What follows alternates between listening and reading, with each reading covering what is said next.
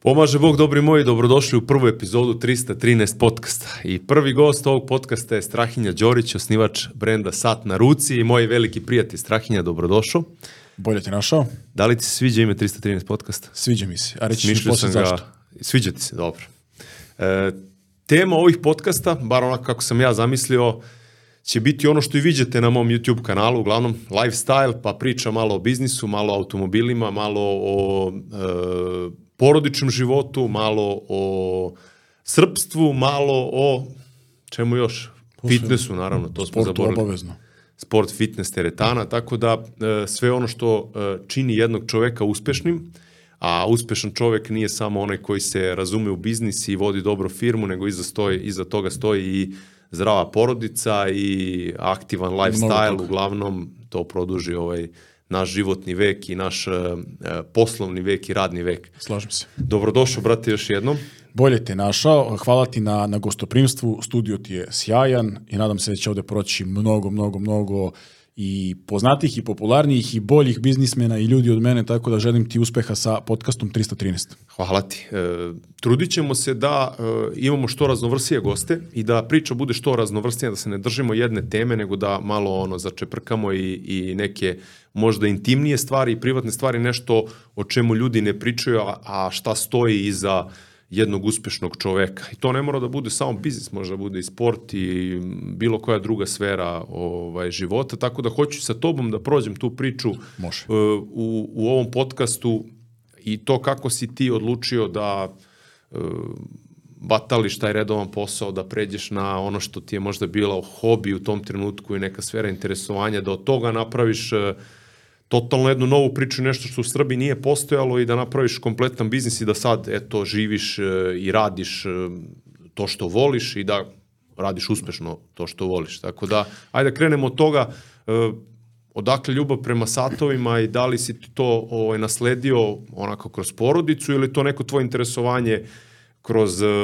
Nasledio sam. Da. Morao sam da nasledim naravno od nekoga, ja smatram da sve, ta nek, sve te neke hobije, ta neka interesovanja koja mi imamo kao ljudi, to negde dobijemo od nekoga iz naše porodice. I mislim da je veoma važno da sutra i mi kao roditelji, ili ja ću se potruditi kada budem bio roditelj, hvala Bogu, da neka interesovanja tako koja su van sfere ajde sporta i školovanja prenesem na, na, na svoje dete da bi se razvijalo i išlo u nečem, nekom smeru koji možda u tom trenutku za njega nije interesantan. Meni satovi nisu bili interesantni sve do studiranja.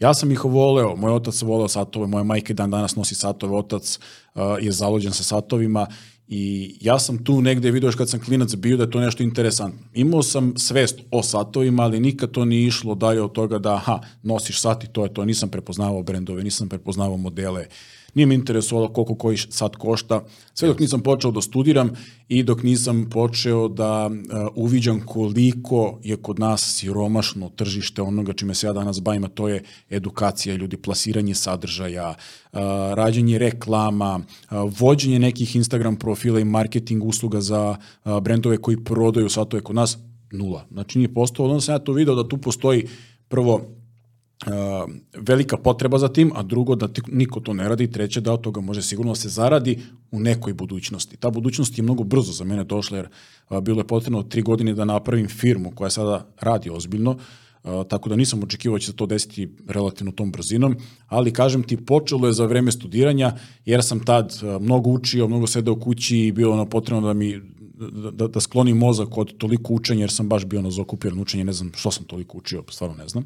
Možemo poče, posle pričamo i o fakultetu i o tom značaju. Da, da. Sve, ćemo o, to da, sve ćemo to da pomenemo ovaj, i e, od toga kako si uopšte krenuo sa satovima, pa onda YouTube, e, pa na, ajde da kažem Znaš kako, firma. prvo je, ajde prvo, studiranje je išlo, završio sam fakultet, uh, svi smo u porodici bili srećni što sam završio fakultet, to je bio negde cilj, mislim, roditelji te guraju, podržavaju, teraju to školovanje, žele da im sin završi fakultet, to sam uradio iako je to negde bilo protiv moje volje, ja sam ceo život hteo da igram futbal. Hteo sam da budem futbaler. Znači, ništa drugo nije postojalo u mojoj glavi do neke druge godine fakulteta nakon što sam imao već dve ozbiljne operacije za sebe i već nakon što sam uh, imao monoklozu koja me šest meseci odvojila od futbala, jer sam baš bio zaribao sa, sa oteklom jetrom, jer sam bio bolestan pod monoklozom i trenirao sam jedno nedelju, dve dana pod temperaturom, napravio sam sebi problem, šest meseci sam morao da ležim kući i tada sam shvatio da od tog futbola nema ništa i krenuo sam da učim. Završio sam fakultet u roku i bio je cilj da se zaposlim što pre. Znači, dok sam studirao, meni je cilj bio da, govorio sam svim mojim kolegama tada na, na saobraćenom fakultetu, ja ću da završim fakultet i radit ću odmah za 70-80 hiljada, dok su svi oni hteli da se školu, da završavaju master, doktorski studij i tako da dalje. Da malo prožive još, da budu onako pa da. lagani. Ja sam hteo odmah sa fakulteta da uđem u posao, što i ne preporučujem danas ljudima da tek tako ulete sa 23-4 godine odmah u posao nakon fakulteta, pogotovo ako studiraju te državne fakultete koji ono ispiraju mozak sa previše informacija. Uletao sam u Triglav, osiguravajuće društvo, i tada tek počinjem da shvatam da ja radim ono što me ne zanima samo da te prekinem, izvini.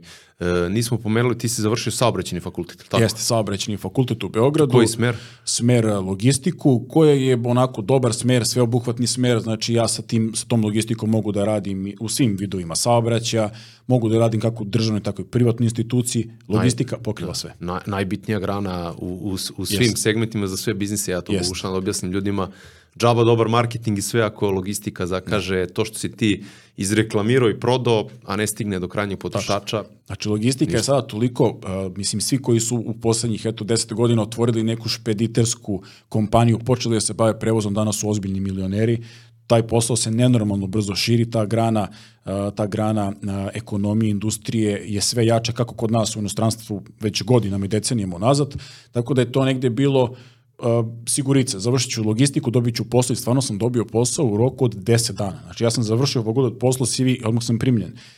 Šta se desilo? Primljen sam pre svega u Triglav, koji nije ono što sam uh, studi, studirao. Ja sam radio tamo procenu štete na motornim vozilima, nisam uopšte radio logistiku. Jasno. Znači, tu sam napravio baš osiguranje klasično. Da, klasično osiguranje. Tu sam napravio prvu pod navodnicima grešku jer sam hteo negde da dokažem moju želju da ću i, i, i rešenost da ću raditi za veću platu čim završim fakultet. Da ne si idem... razmišljao o plati, a ne o, da, o, o opisu radnog mesta Tačno. i o obavezama. Posao je bio onako za nekog ko tek ulazi u tako nešto stresan, ja sam to izgurao nekih godinu dana uh, i video sam da to nije za meni. Kažem ti, tu sam već počeo da razmišljam o tome da završio sam fakultet koji mi je, nije bio interesantan, ali ja sam opet neki tip da me da sam studirao ekonomiju, završio bi ekonomiju. Da sam studirao filozofiju, završio bi filozofiju. Završio bih sigurno jasno, fakultet. Jasno, da. Ali da li mi je to trebalo u tom trenutku života, ne vidim. Znači, više si e, fakultet završavao da udovoljiš tvojima, da dobiješ diplomu, da nekako smiriš te njihove želje i očekivanja i da pokažeš da ta njihova očekivanja prosto ti da. možeš da uh, ispuniš i da Jest. ovaj ja, pazi ja sam u osnovnoj školi bio Vukovac đa generacija u, u srednjoj školi sam isto bio Vukovac isto evo ruka ah. Znaš, to je danas redko, ja sad kad pričam sa, sa klincima ili sa mlađom decom, ne postoji reč Vukovac kod njih, to, to kao da je iščezlo, kao da je ono, ne da je Bože da neko bude Vukovac. Ja sam težio ka tome da budem najbolji, najbolji u svemu, i u futbalu, i u karateu, i u osnovnoj i srednjoj školi, šta god sam uhvatio da radim, hteo sam da budem najbolji. Uh, onda je došao fakultet i shvatio sam da ne želim da budem najbolji po ocenama, nego da ga završim što pre i da pobegnem odatle. Uh, roditelji su me naravno tu najviše gurali u smeru usavršavanja, jer ja sam uh, srednju školu uh, završavao i otišao sam na konkurs za univerzitet u Vašingtonu i u Kaliforniji, na koleđ, dobio sam full stipendiju četiri godine da igram futbal i da studiram tamo neku ekonomiju, nešto nebitno, neko pravo, samo da odem iz zemlje, da dobijem tu priliku da četiri godine budem u inostranstvu. Jer kod nas uh, Uh, nisam imao priliku da igram profesionalni futbol, došao sam maksimalno do neke treće lige, to je Srpska liga uh, po nazivu. U tom trenutku Srpska liga nije bila razvijena kao što je danas razvijena generalno i hteo sam priliku da odem u inostranstvo. Dobio sam priliku, roditelji su me pogurali tu, podržavali su me. Uh, dobio sam poziv iz, kažem ti, univerziteta iz Kalifornije, jedan iz Vašingtona, bilo je meni da odaberem koji dva od ta univerziteta, ja sam odustao od oba želeći da se posvetim možda ovde karijeri. Mesa dana nakon toga sam doživao prvu, drugu operaciju uh, prepunske kile, sve onda propalo, u futbola nije bilo ništa, upisao fakultet i studirao godinu dana, da bi na druge godine dobio tu pomenutu, pomenutu monu klozu i u treću godinu ušao sa 18 predmeta. Znači, povukao sam ozbiljan rep gde su mnogi ljudi iz mog okruženja, a, moj otac, kum i mnogi prijatelji rekli da nema od toga ništa. Neću završiti fakultet. Prognozirali su ti propast. Da, bukvalno je bilo, futbal je gotov, od toga nema ništa, fakultet, 18 predmeta, ne može u roku I završiti onda nikada. se ti zainatiš. I... Da. Ja to čujem i moja majka jedina bila tu i govorila je može on to da završi, jer ja sam bio dete inata. I ja se zainatim i u, u trećoj godini dam 17 predmeta i prenesam samo jedan. U sledeću, to je ta mehanika koju ne mogu i dan danas da smislim. I završim sve u roku i kažem ti, fakultet sam završio, eto, može se reći da sam ga završio da bi zadovoljio te potrebe roditelja, ali ja dan danas nemam nikakve beneficije od tog fakulteta, osim što kad odem u podcast pričam tu lepu priču da ljudi treba da studiraju, ako osete, potrebu da studiraju ili ih nešto interesuje, nemojte studirati ono što vas ne interesuje. Mislim da mnogi, nažalost, ovaj, dan danas to rade. e, idu tim, idu tom ovaj, linijom i ajde samo upiše bilo šta. Mislim, ja razumem da m- mnogo ljudi u, u tim godinama i kad su srednja škola ne mogu da se opredele za neke stvari. Nisu još sazreli toliko da odaberu svoju sferu interesovanja, da prosto znaju čime žele da se bave i to je velika e, to je veliki problem koji imaju mladi sad i često meni pišu ovaj, uglavnom e, momci, srednja škola ili kasnije fakultet, e, čime da se bavim, šta da upišem, da li ovo, da li ono, mene to ne zanima. Ja ne mogu da mu dam eh, informaciju i da mu kažem šta da upiše, ali eto mogu da, da ga navedem na razmišljanje šta je njegova sfera interesovanja, čime želi onda se, kako želi da izgleda njegov radni dan e, u njegovim 30. ili 40. i prosto najvažnije. kako vidi svoju karijeru i razvoj. I onda taj put, e, kako vidi taj put mora da se edukuje adekvatno tome. Možda ta edukacija uopšte nije na fakultetu. Možda ta edukacija e, na nekom radnom mestu, pa na višoj poziciji, pa eto. Ne, ne, ljudi se danas uh, ne sednu da razmišljaju i da vide sebe za par godina u budućnosti. Uglavnom, kada danas pričam sa mlađim ljudima, uh, svi žele da žive lepo. Mislim, to nije posao, to nije profesija. Znači, ti moraš nešto da radiš da bi došao do tog stadijuma, svi bi voli da to nekako bude jednostavan, lep život, upakovan, a da se ne bave ne, nečim što donosi, donosi novac i zaradu. Ja, evo ti moji roditelji kad pitaš, ja sam želeo da budem do, do duše, ajde, možda to nikad ne ostvari, da budem predsednik zemlje, to mi je bilo ono kad sam bio klinac, to sam mašto za završenom osnovnu školu. Sad će čuti da si konkurencija, brate. Ugasit će nas posle prve epizode. A onda sam odustao od toga i kao bit ću astronaut, naravno to je bilo nerealno, ali u periodu srednje škole ja sam hteo da upišem uh, uh, fakultet, mislim da je geografski fakultet, da na njemu ima smer za arheologiju i to je bila najveća želja u mom životu da budem arheolog. Eto, i tu želju sam ja gurao celu srednju školu, da roditelji su na kraju rekli ne možeš toga da živiš kod nas, to stvarno ne postoji, nije razvijeno i tako dalje. Završio sam saobraćaj jer je sveobuhvatna grana, a studirao, a, a išao sam u srednju vazduhoplovnu akademiju, školu, opet je saobraćaj, tehnička škola i onda je Na Dorčulu, tako? Da, na Dorčelu, na preko puta Zološkog vrta, odlična škola, znači iako je meni u tom trenutku dok sam išao u školu bila katastrofa i društvo i okruženje i profesori, bio sam nekako nesnađen, bio sam previše buntovan, previše sam imao, ja sam bio 5-0, a uvek sam imao loše vladanje. Jedva, jedva mi je razredna... disciplina vojnička ili... Ne, ne, katast... Nije, ne. mislim, jeste, oni te drže po disciplini, ali mislim, ne možeš ti jednog srednjoškolca da držiš, osim ako nije ono u domu, uh, po u nadzoru 24-7, nema šanse. Bili smo baš ono, uh, čudno odeljenje, puno vukovaca, a katastrofa ljudi, razumeš, skup je bio katastrofa. Jer sam svi otišli, odate smo otišli na, na saobraćeni fakultet, tamo se lepo družili, završili taj fakultet i raštrkali smo se i sad gledam, uh, jedini ja mogu da kažem da se pohvalim da ajde uh, da živim najopušteniji od svih. Znači, I radiš ono što voliš. I radim ono što volim. To je možda najvažnije. Mislim, to je posto kliše kad sad pričamo o radim ono što volim, jer sad svako može da kaže da radi i ne radi, ali ja to mogu stvarno da kažem da stanem za toga. Pa ne kliše, ali znaš kako ja to gledam, radiš ono što voliš, to ne znači da ti nemaš uh, svakodnevno izazove, probleme, nerviranje, stres. Možda imam više od njih koji Da, ne rade to što ali taj stres lakše podnosiš baš Tačno, zbog toga što tačno. radiš što voliš. Kao što ja imam stres sa razvijanjem brendova koje uvozim i koje ja ovde proizvodim, ali taj stres trpim i podnosim zato što radim nešto što volim i što onako e, znam gde želim da budem kroz par godina, šta želim da uradim, vidim taj put i onda mi to ne pada teško. Problem je kad ti imaš te stresove e, na svakodnevnom nivou, a radiš nešto gde ne vidiš svoju budućnost, gde ne vidiš svoju ulogu, Jest. gde, razumeš, radiš za nekog, ti daješ vrednost, imaš svakodnevne stresove i probleme, ali ne vidiš, ne vidiš da ćeš ti tu napredovati, da ćeš da, da. E, možda zaraditi više, da će taj tvoj stres i taj tvoja ovaj ulaganje u taj posao i žrtvovanje za taj posao doneti neki benefit tebi za šest meseci, godinu dana, deset godina, razumiješ? Tako da to je, to je problem. Uh, sad ću ti reći, uh, izvini, samo da uzem gutlje i da vratim flašicu. Uh, mi koji radimo ono što volimo, ja mogu iz mog ugla sada ti kažem, imam dosta stresova. Znači, e, prvo, e, posao kojim se ja trenutno bavim i koji sam napravio kroz posljednje četiri godine zahteva konstantnu uključenost. Kada radiš za nekoga ko ti je dao posao i dao ti je platu i dao ti neki zadatak, ti imaš uključenost od nekih par sati dnevno i to je to.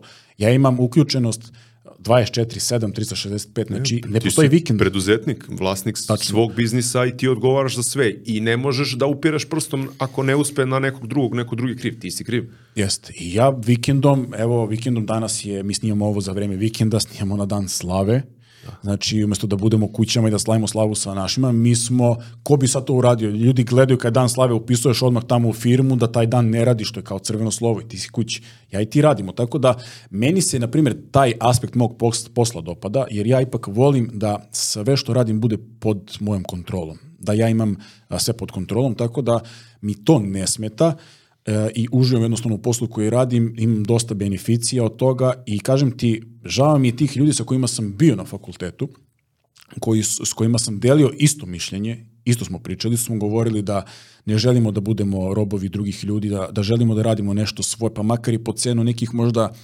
manjih zarada u tom trenutku, ali da imam neki slobodan mindset, da imam neko slobodno vreme, da mogu da ustanem ujutru i da kažem sebi, Danas mi se ne ide na posao, sad hoću da odradim trening prvo, danas neću ništa da radim osim trening i gledam film. Oni nemaju tu slobodu i meni je to žao jer znam da smo delili isto mišljenje, ali da li je sad kod mene pre, presudila sreća ili hrabrost ili ludost ili upornost, ne znam. Ne, to je samo, mislim da je to samo hrabrost. Ajde, ja ću dati svoje mišljenje, ali uh, u jednom trenutku mora da se zagrize taj, taj ovaj, veći zalogaj, da se, da se uzme i da se istrpe neke stvari i da se preuzme rizik da bi došao u tu fazu. Mnogi nisu spremni, nažalost, na taj nisu. korak. Zbog, uh, ne osuđujem, zbog uh, gomile razloga uh, privatnih, uh, finansijskih, uh, ne znam, neko zdravstvenih, kako god, nisu spremni za taj korak. Kao što se meni dešavalo da kad god sam započeo nešto novo, toliko, toliko se unesem u to, krenem i onda u nekom trenutku onako stanem i zapitam sa sebe, dobro, jel ti treba ovo? Da, šta ti nije bilo dovoljno ili jer nisi, jer nije sve funkcionisalo, sad ti treba, uh, ne znam, novi brend da uvoziš ili, ok, napravili smo dobru priču oko Barbells, Vitamin Well, pa ti treba sad da, da razvijaš brand garderobe, jeans, jeans nemaš da. pojma. Pa jel ti treba posle toga brand suplementacija Active Pharma? Pa jel ti treba sad podcast? Da. U jednom trenutku da, se da. zapitaš kao što, čemu? Da, ne, ja sam Šta isto, žrtvuješ? Kad uh, pričao sam sa tim ajde, uspešnim ljudima koji znaš, zarađuju ozbiljne milione i, mnogo desetina miliona i, i svima postavljam isto pitanje kada je kraj?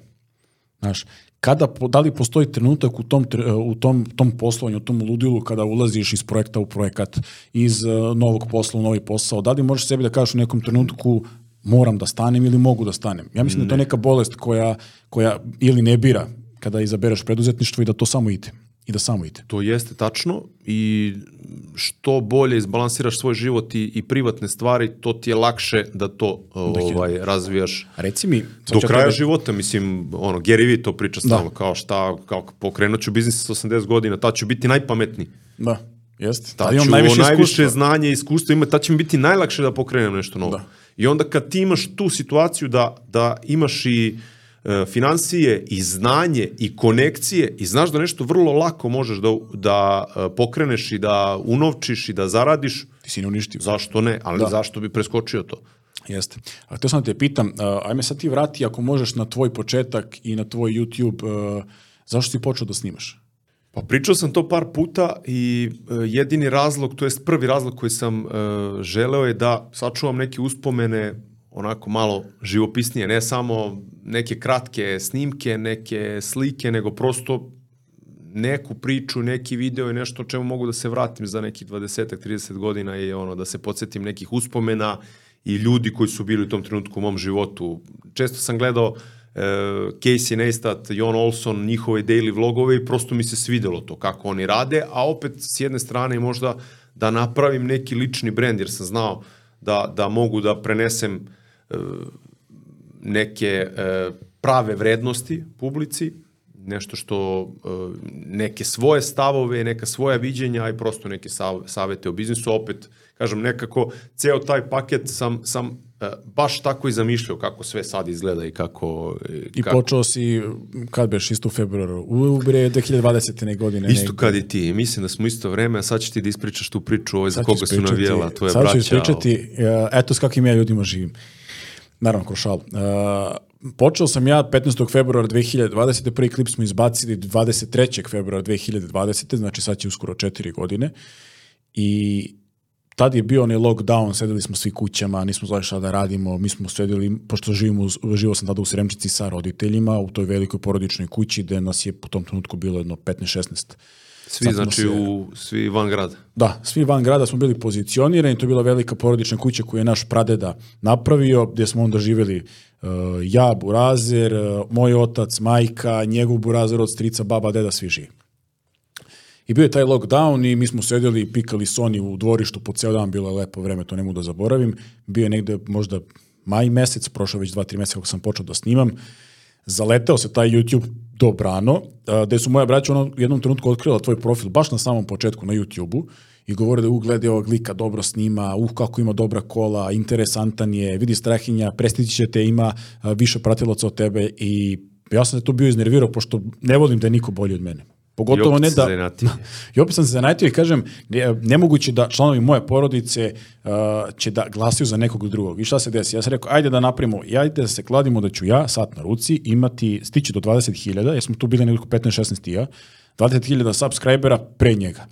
Moj rođeni brat i dva brata od strica blizanci su rekli, ma nema šanse, njegov sadržaj interesantni, 100% će ona da ima uh, pre tebe tih 20.000 sakupi, to se nije dogodilo, I to je jedna moja velika pobjeda nad tobom, iako tebe verovatno sa to boli uvo i sad kad sam ti ispričao drugi put, ali meni u tom trenutku toliko značilo, jer sam pokazao burazerima da treba da veruju svome. Naravno, njih to nije trigerovalo ni malo, mislim da su zaboravili na tu priču skroz, a ja ima da je pričam, veruj mi, kad god budem u društvu, mislim, uh, sadržaj koji sam tada plasirao je bio baš onako, ajde mogu da iskoristim taj izraz, može ubaciti i bip shit content, uh, jer je bio više fokusiran na to šta nosi estrada, šta se nosi u seriji filmovima. Tada je Južni vetar da. pucao na, na, na RTS-u, no ne, ne postoji Srbin koji nije gledao Južni vetar u tom trenutku u lockdownu i ja sam snimao klipove o tom Južnom vetru. I to me je baš poguralo u tom trenutku, naravno prestao sam polako da radim taj sadržaj, ali sam opet znao šta treba da radim u tom trenutku i mislim da evo četiri godine nazad, sad ću svrnuti na to, da, da, da je moja najveća, najveći uspeh i najveća pozitivna strana svega onoga što radim je to što znam kakav kontent treba publici da pružim. To je, mislim, najbitnije i problem sa sadržajem što ako neko juri taj viralni sadržaj, baš te klipove, koji u nekom trenutku imaju smisla, ali možda nisu ono što ti zastupaš i predstavljaš e, treba uraditi to, ali ne treba konstantno raditi te klipove jer gubiš ovaj svoj ja, neku, neki svoj pečat tome, tako da e, treba snimiti nešto što znaš da će biti malo gledano, ali će to biti za onaj krug ljudi koji stvarno ceni tvoje mišljenje i koji hoće da čuje e, neku užu priču o nekom brendu, o konkretnom modelu i tako dalje. Sigurno će to kad ti komentarišeš šta nosi neka starleta ili neki sportista biti najgledanije i, i e, proći najbolje i možda dobiti i doneti ti nove, novu publiku, ali to nije ono gde si ti specijalista, mislim, nije, to, to nije. može svako da radi. Može svako i, i bukvalno želim eto u budućnosti da napravim jedan YouTube kanal gde ću pokazivati da je jednostavno tako raditi recenzije nekih stvari kad se samo malo informišeš. Zato je u početku moj kanal bio uh, fokusiran na taj kontent, jer ja sam znao da moram da dođem do velikih brojki. Jer ja nisam mogao da radim klip koji uh, radi, na primjer, recenziju tog uh, Skyline-a, jer znam da će u tom trenutku, kada sam tek počeo da snimam to, gledati uh, 200 ljudi. Da, Mene su da. bolele te male brojke na YouTube u početku. Znači, A dobro, to uvek boli, znam, uvek si ti, ovo je kvalitetna priča, potrudio si se, i kao niko nije Jeste, pogledao. onda sam procentualno uzao, aha, sad ću raditi shit content jedno šest meseci, godinu dana, skupiti brojke i okrenuti se. I evo četiri godine kasnije mogu da se pohvalim da e, se, da smo se distancirali od takvog sadržaja, radimo to sad pre svega na Instagramu, na, na onim postovima ko šta nosi od poznatih ličnosti, ali opet to radimo kroz ajde da kažem, e, edukaciju. Želim da taj post koji ti pročitaš ne bude upiranje prstom, aha, uh, ti si kupio sat od, ne znam, 10.000 evra, ne, nego to je sat koji ima dobar mehanizam i tako dalje. Tako da, opet, sadržaj smo okrenuli u smeru edukacije i to me raduje. Znači da sada ono što ja radim je edukativno, a nije uh, zabavnog karaktera ko što je nekad bilo. Da, ništa, sad ćemo, o, hoću prvo da se vratim na ono što si rekao da uh, ti je bio motiv to što si se upoređivao u tom trenutku sa mojim kanalom. Da i što ti je to bio podstrek da, da radiš više, da napreduješ, da izbacuješ da više sadržaja, da. Tako da, znaš kad kažu ono, nemoj da se upoređuješ s drugim, gledaj samo sebe, pusti šta drugi rade, mislim da to znači za neke stvari, ali e, nije dobro, pogotovo mi kad smo sportisti pa se uvek nađeš nadmećeš nek, se da, život. nadmećeš se s nekim uvek i to je neko zdravo nadmetanje i prosto dalo ti je e, možda si video nešto što ja dobro radim, pa si implementirao na tvoj kanal, možda nisi video ništa ili rekao sve, ovaj ne... Sve si bolje radio, brate. Znači, ja sam toliko loše snimao klipove. To je ja bilo... sad lošije snimam klipove nego tada. To ti kažeš, ja, ti, ja neću ništa da kažem. Ne, ali... lošije snimam, možda je priča, pričam ti um, kvalitet. Tad sam snimao sa Sony A7 trojkom, pa sam imao onako, razmišljao bi rolu, po slow motionu, a sad sam e, prešao na to da opet je bitnija priča i to koga snimiš i šta kvalitet. se dešava, nego sad da li je kamera ovakva ili onakva, da li snimaš telefonom, da li je osvetljenje, i ono kad je loše osvetljenje pa se vidi onaj gren i onaj šum, ja odlepim. Znači nije, se, da. Znaš, nije mi dobro, stvari to ne vidi niko, ono bitno je šta se dešava, da. šta pričaš, da li je kvalitetna priča. Ali hoću da te vratim, e, nećemo, pričat ćemo posle o sadržaju, hoću da te vratim na opet taj početak i trenutak e, kad si ti e, saopštio svojima da prestaješ da radiš to što si da. radio do tad i da hoćeš da e, to što ti je bio hobi u tom trenutku i tvoja strast bude tvoj glavni posao da hoćeš da živiš od toga. Prosto kad si dao otkaz tako tri glavu i krenuo da... Nije, nije bilo baš sve jedno. Uh, pre svega zato što uh, roditelji, to je sad Branko Babić lepo rekao kad je gostovao kod vlade, odnosno kad je vlada bio kod njega na imanju, uh, u emisiji je Branko rekao da sam slušao svoje roditelje, baš bih se zajebao jer oni ti uvek žele najbolje i roditelji ne žele da ti ni u jednom trenutku svog života patiš, da se mučiš, a da bi uspeo u nečemu novom i u nečemu što ti želiš i voliš, ti moraš i da se patiš i da se mučiš, da prolaziš kroz teške periode, da ti bude loše, da imaš mnogo stresa i da mnogo stvari pati, da tvoj fizički, psihički, psihičko stanje možda pati da bi na kraju izgurao ono najbolje za sebe. Roditelji to ne žele od tebe i u tom trenutku si ti u velikim, velikom problemu ako ih slušaš non stop. Uh, ja sam ih slušao 25 godina. I u tom trenutku sam odlučio da ih ne poslušam kada su mi rekli da to nije dobro za mene. E, da... To je ono što je bitno, to, to je ono gde se lomi, Jeste. da li ćeš ti nastaviti da radiš u Triglavu za neku solidnu platu, posao koji ti se ne sviđa i koji ti je stresan, ili ćeš ili krenuti ću, nešto svoje i možda se mučiti godinu, dve, tri. Tačno. I to je prekretnica za sada u mom životu. Ta, tako gledam, znači moj život sam delao do trenutka kako nisam imao te operacije koje su me odvojile od futbola, za koji sam probitno smatrao da je moj, uh, moj primarni cilj u životu i ono što ću uraditi sigurno nekada. I verujem mi da mi je najveće žal sada što, što nisam profesionalni sportista. Znači sve ovo sada bih menjao da budem profesionalni futbaler. Eto, ja nikad ne bih menjao ovo sve da, da budem Ja ne znam, ali me ja i, dalje, ja i dalje govorim da bih volao da sam profesionalni futbaler, volao bih da osetim taj profesionalni život, ta putovanja, utakmice, uh, sportista si bio, uh, mene je taj adrenalin utakmicama da, radio da, kad postignem gol. Uh, ja sam jednostavno od toga mogao da živim da me niko ne plaća. Stvarno sam živao od toga, niko me nije plaćao godinama. Meni je samo želja bila, sad, sad se dodiramo mm -hmm. toga, da jednom doživim mesec dana život profesionalnog NBA igrača. Mm -hmm. Znači, to, ta, Misliš da je zabavno? Ne, ne mislim da je zabavno. Ja sam, sam, ja sam bio do, veliki radnik i volao sam da treniram samo tu infrastrukturu, tu Aha. mogućnost, trenere, uh, znanje. Cijelo iskustvo. Da, ono, ono prosto, znaš, kad imaš onaj deo priprema letok, nek, kad bi neko mogao da te zatvori u taj kompleks gde ti imaš sve i da se oporaviš dobro i da jedeš Da jedeš dobro dobro, i da da, spavaš znaš, da dobro. tamo ti spremi ko šta hoćeš, šta hoćeš da jedeš, kako hoćeš da se oporaviš. Da, da.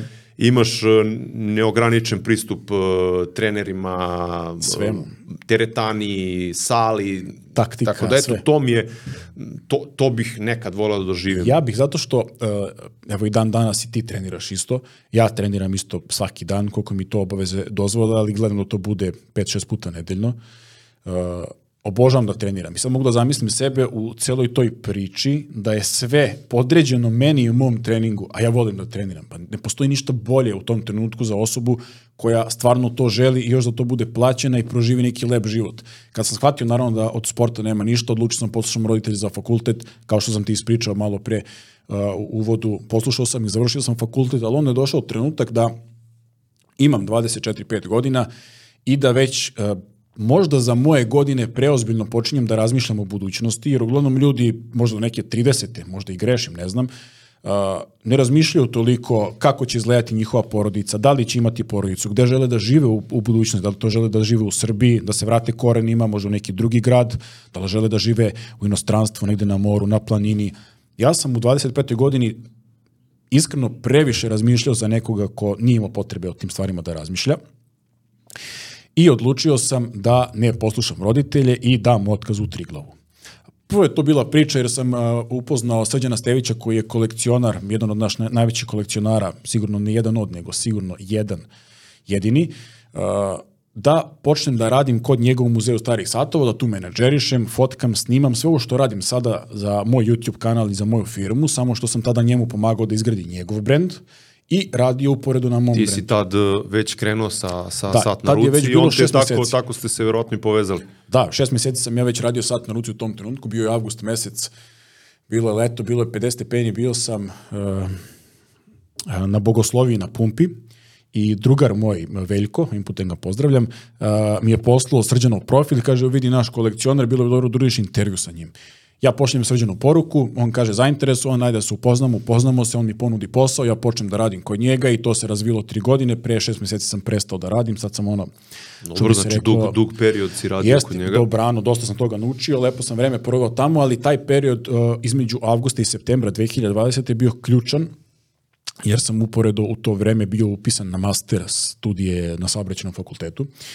Uh, nisam ih izgurao, jer sam, nisam teo da učim, jednostavno bilo mi muka fakulteta više i učenja i rekao sam roditeljima imam ponudu da radim uh, u svetu satova, da se bavim prodajom, edukacijom, da uh, obogatim sadržaj koji sada već radim na jedan veći nivo, da dignem sve to na uh, nešto mnogo ozbiljnije nego što sam i mogao da zamislim da će u tom trenutku moći da se dogodi, Uh, jer sam zahvaljujući srđanu video neke neverovatne satove, upoznao neverovatne ljude, uh, naučio mnogo toga o starim satovima i to je moja sfera interesovanja danas vintage satovi, gde su roditelji rekli Uh, to nije dobro za tebe, upisao si master, izgure ga, završi ga, dobit ćeš diplomu, dobit ćeš bolji posao, platu će ti povećati za 10-15%, Imaš siguricu. Ma imaš siguricu, da. I to je ono što se vraćamo na, na, na početak, roditelji ti žele najbolje, a to ne znači da je to za tebe najbolje, odnosno za tvoj život.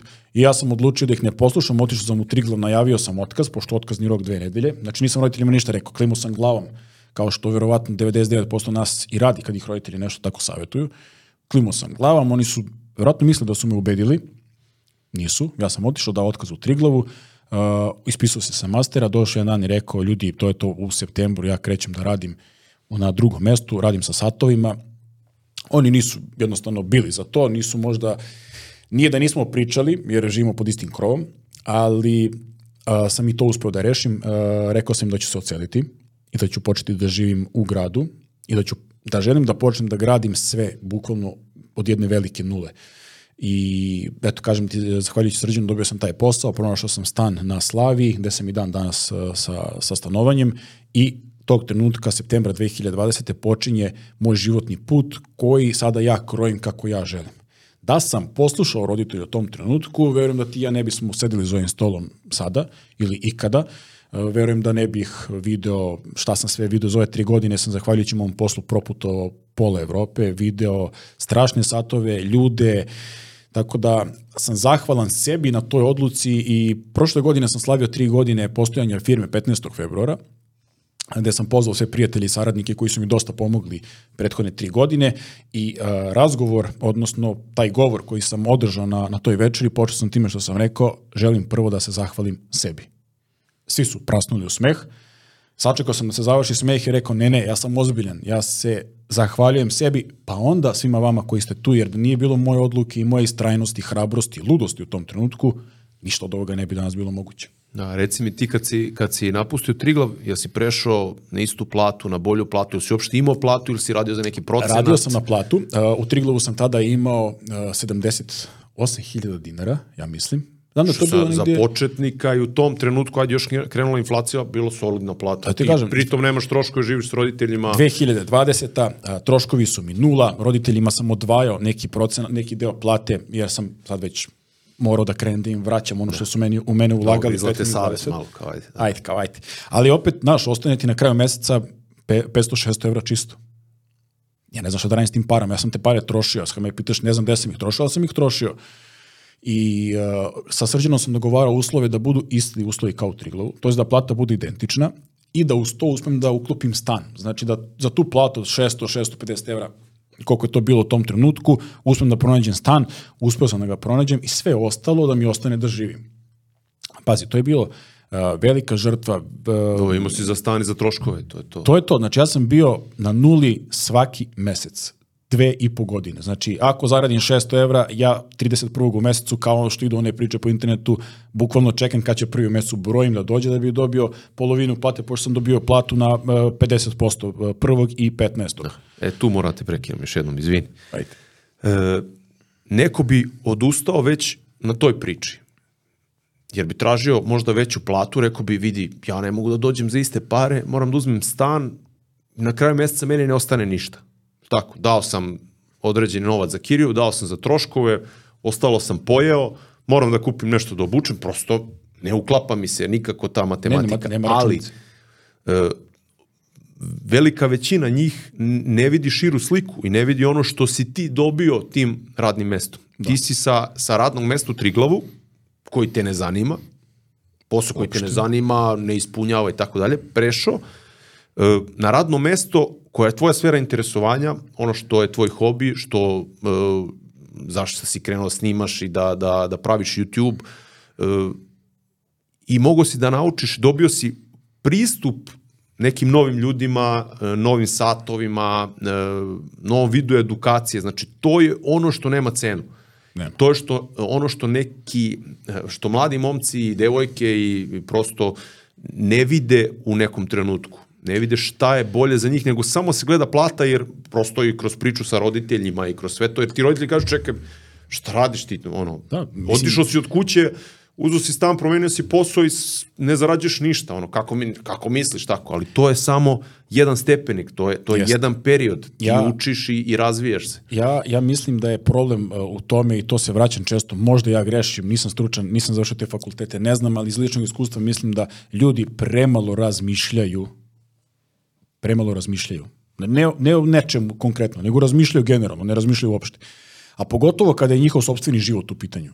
Mislim, ja, ja sam prvo želeo da razmišljam o svom životu i video sam kuda to ide i ja sada znam kako želim da se sada već firma, sat na ruci, DOO, znači nije to YouTube kanal, Instagram profil, kako želim da se ta firma razvija u narednih 3 do 5 godina. Mi već imamo sada tim ljudi koji se bavi a, planiranjem, biznis planom i sve živo imamo da radimo, ja već znam unaprijed. Ja sam i tada, 2020. kada sam prešao da živim sam, imao sam sreće da sam u Triglavu imao dobru, dobru platu, da su mi ispoštovali, isplatili su mi platu i za taj mesec koji nisam radio, jer sam dao otkazni rok, to jest imao otkazni rok, dobio sam tih možda, na, na, nagomili sam imao koliko, 75, 75, 150 hiljada dinara, ja sam te pare potrošio u opremanje stana i u kupovanje kamere. A, Posavjetao sam se s drugarom, on mislim da mi je preporučio da uzmem neki Canon aparat koji nisam znao kako da koristim, jer nisam imao opremu za ZV1. snimanje.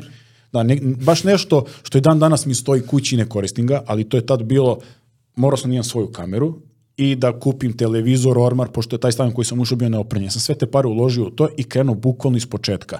Iako sam imao sve servirano već u Sremčici u koji i danas imamo porodičnu kuću gde su, gde su mi roditelji i dve i po godine je to bilo tako, ali kao što si ti rekao, ja sam video gde to može da ide, ukoliko budem vukao prave poteze. I hvala Bogu, evo da kusnem u ovoj veliki komad od drveta, vukao sam ne kažem baš svi potezi da su mi bili pametni i dobri, ali većina njih jeste, jer ne bismo bili sad tu gde jesmo sa, sa uh, YouTube kanalom koji ima skoro 50.000 subscribera, sa Instagramom koji skoro ima 70.000, sa sajtom koji čita 100.000 ljudi mesečno.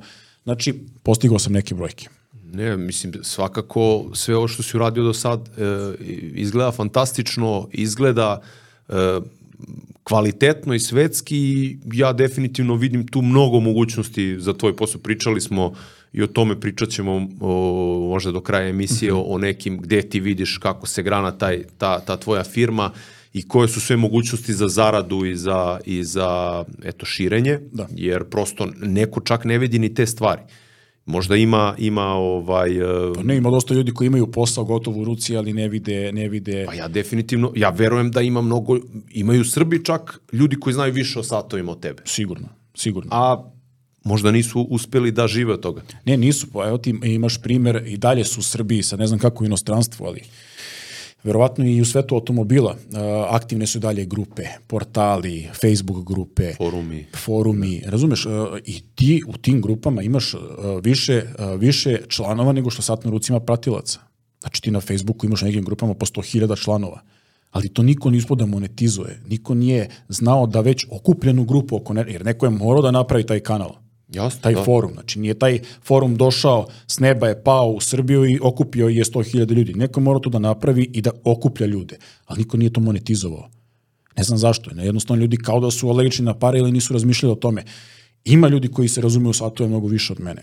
Ali nema ljudi koji su spremni da to svoje znanje prenesu drugima na, na ovaj način koji ja to radim nisu spremni da gostuju na različitim televizijama, da idu na podcaste, da se žrtvuju. E, mi izbacujemo već četiri godine svaki treći dan klip, bez pauze, četiri godine neko ko se time bavi, a, a, a da napomenem da nemamo eksternu produkciju, znači ja sam prve tri i po godine radio sve sam. Jasne, znači nisam imao čoveka koji je snimao, editovao, radio pokrivalice, nego sam sve sam radio tri i po godine, izbacivo i dalje jakom dinamikom uh, te klipove. Tako da ta upornost je dovela do nekih brojki i ja sam želeo da prenesem na ljude znanje, a za uzvrat planirao da u nekom trenutku to znanje naplatim. To se dešava sada sa sat na ruci i zato sam zahvalan što možemo da imamo firmu koja funkcioniše, koja ima više različitih autora, firmu koja može da donosi veliku zaradu od reklamiranja i od kreiranja sadržaja. Mi još uvek se ne bavimo prodajom a nadam se da hoćemo. A, pričat ćemo o tome, pošto si mi rekao da, da ćemo sigurno pomenuti biznis i, i širenje biznisa. A, samo još jednom hoću da, da ako budu gledali mladi ljudi, nadam se da gledaju i da uživaju i da će uživati u tom sadržaju, da napomenem da samo treba razmišljati o, o, o sebi u ovom trenutku, kako želiš da vidiš život, šta želiš da radiš, gde želiš da živiš, jer ako se prepustiš toj letargiji, jednostavno i tom poslu koji radiš, samo da bi gradio, da bi živo tek tako, ja mislim da je to promašen život. Možda ja previše razmišljam za nekog ko ima 27 godina u ovom trenutku, ali volim da napomenem da je razmišljanje o sebi i o životu koji živiš najvažnije. Preispitujte se ljudi sve na vreme, kako vam je, da li želite bolje ili ne i verujem da, ajde ne mogu da kažem 100% ljudi, ali veliki deo ljudi može da uradi nešto dobro po pitanju toga ukoliko im nije lepo u sobstvenoj koži. Da, to definitivno. E, I hoću da kažem još jednu stvar, nije samo, mislim, treba razmišljati, ali e, mi kad se rodimo i kad smo onako mala deca, mi učimo tako što imitiramo starije, znači svoje roditelje i kroz ono kako se oni ponašaju, mi to pokušavamo da ovaj, imitiramo i da radimo jeste. tako. Tako da isto, isto to je u biznisu gledaš ko radi uspešno neke stvari, verujem da ti sad pratiš i, i znaš ko radi to uh, slične stvari koje ti radiš ovde, u, na zapadu, u Americi, da. na istoku, gde god, znači širom sveta, i možda vidiš neke stvari koje možeš da izimitiraš, koje su dobre. Opet ti ćeš dati svoju notu i, i zadržati originalnost svoju, ali ćeš uh, iskoristiti to što je već neko smislio i razmišljao pre tebe i ići u tom pravcu. Ja sam naučio dosta za kroz razvoj brendova kako sam krenuo da sarađujem sa, sa šveđanima za Noku, Baram mm. Well, i te neke stvari primenjujem sad na svoje brendove. Ima... Pa onda vidim nešto novo opet sa strane što mogu da primenim i implementiram u svoj posao. Tako da... Ja ne vidim ništa loše u tome, jer ima ljudi koji možda smatruju kopiranje tuđeg sadržaja, tuđe forme. Ja samo smatram da a, smo mi dovoljno, mi koji se bavimo sad preduzetništvom i koji smo malo duže u tome, možemo da izvučemo samo dobro od nečega i da implementiramo na nešto naše i da to izgleda drugačije od njegovog. Ja imam sad primer čoveka koji u Americi je najpoznatiji youtuber trenutno u svetu satova, Teddy Baldasar, ima milion subscribera, oko milion subscribera, on je odlično to uradio. Znači on je napravio prvo a, ljude koji interesuju jedan sadržaj, to su satovi. A, onda je oko toga napravio da mu ljudi veruju. Nakon toga je otvorio in, a, sajt na kojem je počeo da piše tekstove i nakon toga je ubacio prodaju na taj sajt I šta je sa time uradio? On je time napravio, napravio jednu celinu. Ti kao neko ili oni kao neko ko se ne razumije mnogo u satove, hoće nešto da kupe, ukucaju neku ključnu reč, tad im ja izađem, tad im ja izađem uh, napred, oni krenu da gledaju, aha, zainteresuju se sa Tiso Sistar. Gde ima da se kupi Tiso, op, na sajtu Sat na ruci izađe Tiso Sistar link, oni uđu tu i završe kupovinu. Znači, on se zainteresovao, naučio, istražio i kupio kod mene. To je ono što je Teddy Baldasar prvi uradio u svetu i to je ono što ćemo mi ovde implementirati u toku 2024. godine kod nas, jer mi imamo sve. Imamo edukaciju, zabavan sadržaj, imamo YouTube, Instagram, TikTok, sajt, nama je potreban samo još shop. Da ljudi koji su već stekli poverenje, koji se kod nas edukuju, završe kupovinu kod nas.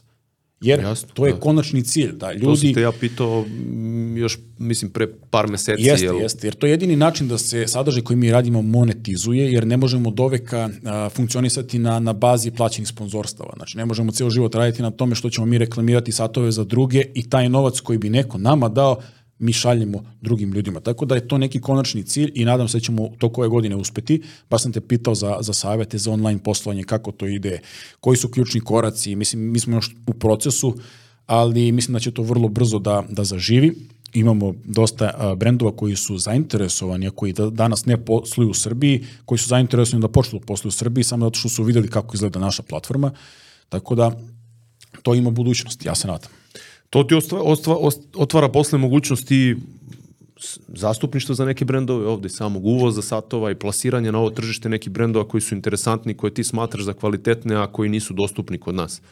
Da. Slušao sam te kod, u podcast inkubatoru kod Marka, mm -hmm. pa si pričao da ti je žao i da pogotovo kad si ti bio mlađi, e, mnogo tih brendova uopšte nije bilo dostupno, ovde i dan danas nije dostupno. I dan danas. I nekako smo mi bili onako fokusirani na tu par nekih brendova u, u iz sveta satova da. i to je to. Ali imam sad, e, pošto sam prošle godine putovao dosta, zahvaljujući poslu i bio sam u Ženevi na sajmu satova, uh, mnogo su ti neki brendovi uh, ne mogu da kažem alergični na Srbiju, ali nekako im Srbija i ovo područje i dalje im je, e, oni misle da, mi, da nismo internet, e, pismeni, da, da ne, ne znamo koristimo internet, da, a, mislim, ti ćeš mi ispraviti da li ljudi koriste online kupovinu, kod tebe koriste. Znači, da, koriste. Ljudi kupuju, Mislim, sve više. Od naručuju. posle korone svakako je to eksplodiralo, eksplodiralo. i raste iz meseca u mesec sve više i više. Više. Moj zadatak je bio baš prošle godine sam bio u Ženevi da sve te brendove koji nisu kod nas dostupni, prvo da im pokažem oni su mislili da, da ne postoji platforma koja radi nešto što mi radimo. Ja sam rekao da postoji, da ona broji mnogo ljudi, da smo pozicionirani od Slovenije do Makedonije, Crne Gore, bukvalno sve zemlje u bivšoj Jugoslaviji držimo. Da postoji klijentela i kupovna moć i zainteresovanost. Znači, za, jeftin, za jeftinije, pristupačnije, skuplje satove, postoji klijentela Kad sam im to malo pokazao, oni su rekli, aha, znači to postoji ne samo u Srbiji, nego to je 20 miliona ljudi na tom celom području. Da. Znači oni su totalno neupućeni. Njihovo, njihovi ljudi koji treba time se bave, oni su krivi, treba da istraže tržište i da vide koja su potencijalna nova žarišta. Beograd je ogromno žarište, ekonomski centar ovog dela Evrope. Znači, čak mogu kažem i za Balkan, iako na Balkanu stoji i Atina i Solu, neki veći gradovi od... od da, ali Beograd je veza e, između istoka i zapada, prosto nekako ima ve, e, dobre konekcije i sa Moskvom i sa Kinom, Pekingom, Jest. opet i sa Evropom i nekako se tu sve tu da, se sve izmeša na Tako kraju. da, iz tog razloga, iz razloga što brendovi to nisu istraživali, mislim da kod nas leži e, ta, taj veliki potencijal da mi kažemo tim brendovima da treba da dođu u Beograd, u Srbiju, da krenu da posluju, jer ako postave sedište ovde vrlo brzo, mislim da će lako posle moći da se širi u region, a svesni smo i svedoci smo toga da se Beograd u poslednjih pet godina nenormalno razvio Ja znam kad sam ja počeo da radim, e, kad sam počeo da radim klipove i da pričam o satovima, da je ono, sat do 200 evra, Seiko do 200-300 evra bio ono vrhunac kolekcije, a već sada ta isti Seiko košta 350-400 evra u radnji i da je vrhunac kolekcije imati sat od 1000 evra. Znači da. kad se za četiri godine standard podigao skoro duplo u onome u čemu ja radim, a to su neki mid-range satovi, mogu da zamislim kako to tek izgleda kod onih imućnijih ljudi. Oni su sigurno još imućniji nego što jesu. Tako da Beograd će tek nastaviti u tom nekom pozitivnom smeru da se razvija, tako da to treba iskoristiti. Nismo, mi smo alergični na pare. Jasno. E, pre nego što pređemo na priču o satovima i o određenim brendovima, hoću malo da, da pročeprkam još po tom lifestyle-u i po tvoje sfere interesovanja. Obično, gde god da gostuješ, priča se svede samo na satove, tako je. Zato sam ja htio da pričam malo o privatnim Može. stvarima i o tvom odnosu sa porodicom. E, pored toga, tebe zanimaju automobili, voziš da. Porsche-a. Jeste. Ko te nagovori na to? Je Savin? Jeste. I Savin, da. Oh. Znaš kako, da, teklo je znači, to... Znači, mrziš da... golfa, voziš Porsche i to je to. Mrzim golfa i nemam problem da to kažem. Gde god odem, kad gostujem, pričam, moj baš brat Nemo, uh, od strica... Da Alfe ne, a imam drugara uh, Dušana koji ima, uh, beše, Đuliju ima kvadrofolja, tako? Novu, fantazija auto, vozio sam se u njemu, ono je bukvalno fantastičan auto, tako da o Alfi mislim dosta toga lepog i stare Alfe, oni Spideri su fan, meni fantastični, iako su neki mnogi ružni.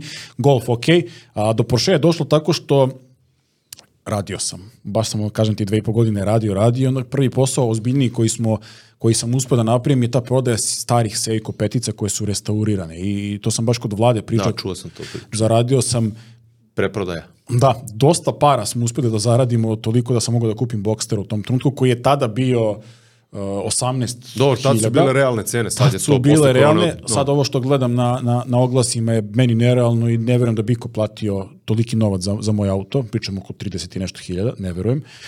I ne prodajem ga, ne interesuje me, ali kažem ti, zaradio sam uh, veći novac i u tom trenutku gospodin koji je ovde sa mnom pozdrav za iza Savina. kamera, pozdrav za Savina, uh, je insistirao na sadržaju koji se zvao Porsche kao investicija, ali tako jeste. Da. I uh, ja sam naravno pratio pomno. On snima za YouTube, jel? On snima, momak snima Nisam za YouTube, uh, Ajduk Media znao, kanal. Dobar kanal i koristan kanal u tom trenutku je uradio recenziju Boxstera 987, ali prva generacija. 986, jeste 986, moje 987, eto koliko se ja interesujem mnogo za kola. Uh, svidio mi se, ali čitajući i slušajući njega imao je neke probleme sa motorom i tako dalje. Ja sam odlučio da se malo strpim, da skupim novac za tu drugu generaciju. Presudno je što je automobil kabriolet. Ja obožam kabriolete, znači ja ne. ne mogu, ti ne, vidim, vidim. Uh, ja ne mogu sebe da zamislim sada od ovog trenutka pa nadalje u životu automobilu koji nije kabriolet. Sad je zima, ne vozim ga, Uh, i to me ne interesuje zimi, ne volim ništa da radim, apsolutno, osim da treniram i sedim kući, uh, ali kad dođe lepo vreme, proleće, leto, prvo što radim, spustim krov, sipam gorivo i odem na put van Beograda, stavim šešer na glavu i odem na Kosmaj. To mi je, nema veće uživanja za mene od te vožnje automobilom kada spustim krov. I kada sam tražio na oglasima koji automobil je za mene, bio je uslov da bude kabriolet, to su izlazili ono A5 kabrio, A3 kabrio, svašta nešto u tom cenovnom rangu i iskoči ovaj Boxster. Baš je Savin bio sa mnom uh, i jedan naš zajednički drugar, bili smo u Vršcu da gledamo taj automobil, shvatili smo iz njegove, iz ekspertize, pošto se on više razume u to nego ja, da je to dobar, zdrav automobil koji samo ključ uh, u, u, u, unutra i vozi. Uh, strpio sam se, skupio sam novac nekako, pošto smo bili, gledamo automobil, mislim u decembru, auto sam kupio u februaru, znači prošle dva, tri meseca, baš jako grada i to je nešto onako značajnije veće što sam kupio sebi u životu. Ništa skuplje od toga do sada nisam sebi kupio. Ali evo, dve godine, dve i po godine nakon toga ja sam se nauživao, prošao sam negde oko 13-14 hiljada kilometara, uglavnom van Srbije devojka i ja putujemo, spustimo krov i putujemo na more i po regionu, tako da ne bih taj auto menjao ni za šta, tačnije kabriolet bih menjao za kabriolet. Znači dobra investicija, sad je cena skočila, yes, Savina yes, se. Yes. I on mi je to tad rekao, ovo je dobra cena, ovaj, ovaj automobil će u tom trenutku da dobio na vrednosti. Znači vredeće više. Vredeće više, isto kao i satovi, do, poneki satovi. A, ja sam tu priču čak i mojim roditeljima govorio, čak sam i, i srđano kod kojeg sam radio Ali rekao... tu su ubo prst u oko kao, evo ga, prve pare zaradio, kupuje Porsche-a kao. Jeste, to Kabriolet. je bio... Ne, ali to je bio, uh, doživao sam uh, kontraefekat. Ja sam mislio da će ljudi shvatiti da sam sebe nagradio... Ne, ti si za... srpski san, znači prve pare zaradio, sumnjivo, Kupio Rolexa, I Porschea. kupio Porschea, sipa za hiljadu i vozi se kao. Ne? No. Jeste, i to je bilo, a, ali ja sam... Polovnog Porschea. Vidi, ja sam Pardon. imao, sam, ja sam mislio polo starog 15-16 godina, 2007. koji je prešao Porsche, brate, 140.000. kad staviš ključ na 100 Porsche. Da, još onaj ključ, onaj matoj, znači, kad, kad sam snimio auto, ja sam iz nekog razloga, evo, iz ove perspektive, meni nepoznatog razloga, uh, za moj kanal koji se zove Sat na ruci, snimio sam uh, recenziju Boxstera. Evo sad uđeš na Sat na ruci, ima klip, uh, moj Jel prvi bio gledan? Jeste, ima 100 i nešto, 120, 130 hiljada pregleda. Naravno, u komentarima su uh, na YouTube-u negativni komentari, u, u smislu kupio si ženski automobil. Jeste. Nosi mislim- ženski sat, brate, Nosim 36 ženski mm i- i ženska boja sata, još plava boja. Tiffany 36 mm i kupio ženski automobil. Znači, ok, Slika se bez majice kači na, na Instagram. na Instagram. Ali to vole žene. Uh, slušaj sad.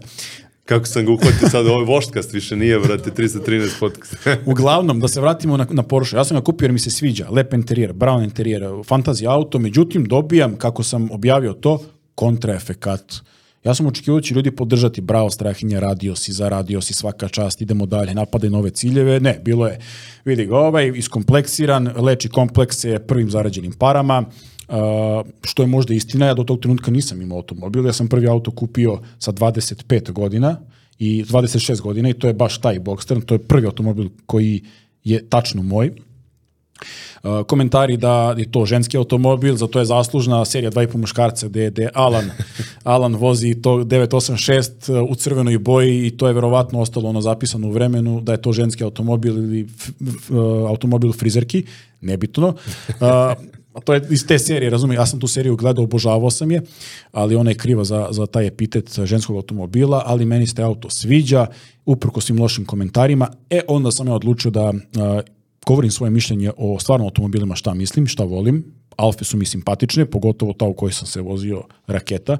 A, O Da, Golfovima, pazi, to je super auto m, za zabavu, ali za daily, ne, nije, mislim, po nije. ovoj, ovoj kiši, po ovom vremenu, po, to te znojiti se guzica Ne, nije. Dušan, non stop. Dušan, moj drugar koji Tenzija, ima... non stop, nešto. Ja ne bi mogu u životu vozim taj auto. Ne, ne, on, ga volim vozi, to. on ga vozi isto vikend, vikend auto, znači čovjek koji je kupio taj automobil za vikend auto, za putovanje, za stvaranje nekih uspomena, što ja mislim i što sam stariji sve više vidim te stvari eksterne koje kupujemo koje nisu egzistencijalnog karaktera, znači ne pričamo o hrani, ne pričamo o odeći, automobili, satovi, uh, te stvari treba kupovati da sa njima gradiš neke lepe uspomene koje opet možeš da preneseš na nekog drugog ili sa nekim drugim da ih gradiš. U ovom slučaju devojka ja, sutra moja porodica i moja deca mogu da uživaju ne automo, automobilu nekom drugom koji ću kupiti i ostaviti njima. Taj auto može da bude i kolekcionar, mislim, da ga sačuvaš i za, Pa može. za svoju decu. Može, tako da te stvari Dušan i tu Alfu QV kupio isto da mu bude weekend car i neki automobil koji je za stvari nekih uspomena putovanja, ima Mito koji vozi daily, a onda sam ja odlučio da moram da kažem svoje mišljenje o Volkswagenima, odnosno konkretno o golfovima, to je naišlo na katastrofalnu osudu ljudi, jer uh, jebi ga živimo na, na području gde je ono golf, uh, pa mislim da je svetinja, uh, bez premca. Nigde u svetu golf nije tretiran kao što je tretiran na, na Balkanu. I dobro, ima tu ljudi u ovoj prostori koji se slažu sa mnom, neću više o tome pričati, ne bi dobio negativni komentara, ali eto, Čekaj, morate pitan, s kojim brendom satova bi uporedio golf? golf bih uporedio, ne mogu da kažem Šta je sad, u svetu satova golf? Najbolji odnos cene i kvaliteta, nikad se ne kvari, e, Pa- stalno izbacuje nove modele, ali slične prethodno, ne znam. znaš kako, to može da bude izvučaće uvredljivo za ovaj brend satova, ali sa, Ne, njima, ali ali- sa njima ne sarađujem sada, Nekom će zvučati pohvalno. ali sa njima ne sarađujem sada, Seiko. Sa Seiko. Da. Znači, što Japanac. Seiko, da, Japanac. A, Seiko masovno izbacuje nove modele, sve to isto, oblik im je svake godine sve, sve više zastareo, nema tu nikakvog dizajna. Meni kod golfa, na primjer, izgleda kao ova kutija ovde što stoji. Znači, izgleda kockasto i ne menja se ništa već 30-40 godina, on izgleda isto. A, tako da, ne razumem tu pomomu za golfom, iako sam, kad sam skupljio pare za, za prvi automobil, imao pomoć burazera koje sam spominjao na početku mog mlađeg, koji inače vozio trke. Znači GTI neki je bio. Pa to, bilo u opticaju Golf 6 GTI, 7 GTI, to su slali su mi, ja im govorim ljudi, vi- Možda ga tuniraš, digneš to Ne, na ne, pa, 350 pa oni, konja, oni mi to da. pričaju non stop, ja se ne razumem, evo i na mom Boxsteru i dan danas ništa nije promenjeno u odnosu na 2007. godinu kakav je bio. Koji ti motor? At, Atmo? 2.7, atmosferac, benzin, 245 konja, Pazi, to je za mene kad sam prvi put, ja sam pre toga vozio Renault Megane 1.9 TDI koji je imao 90 konja, 100 konja. Ne, ovo za tvoje potrebe ide. E, Ovo je idealno, znači devojka ja smo otišli na prošle godine na turu uh, Jadranskom magistralom i vratili se do Beograda nekih 2500 km uživanje. Nisam se umorio u putu, auto troši koliko ja mogu da podnesem finansijski, znači ne troši nešto preterano. Ja sam očekivao Registracija nije preterana. star Registracija nije 27. 120.000 je. Uh, tako da, da, da, ja mislim da je registracija 120.000. Mislim da su poskupile registracije. Ne, gleda se sad na... 80-90. A da, ja sam platio, jer sam imao uh, štetu, pa sam platio 30.000 Veću premiju. Da, premiju. premijski stepen mi je sada 7, mora to da se smanji.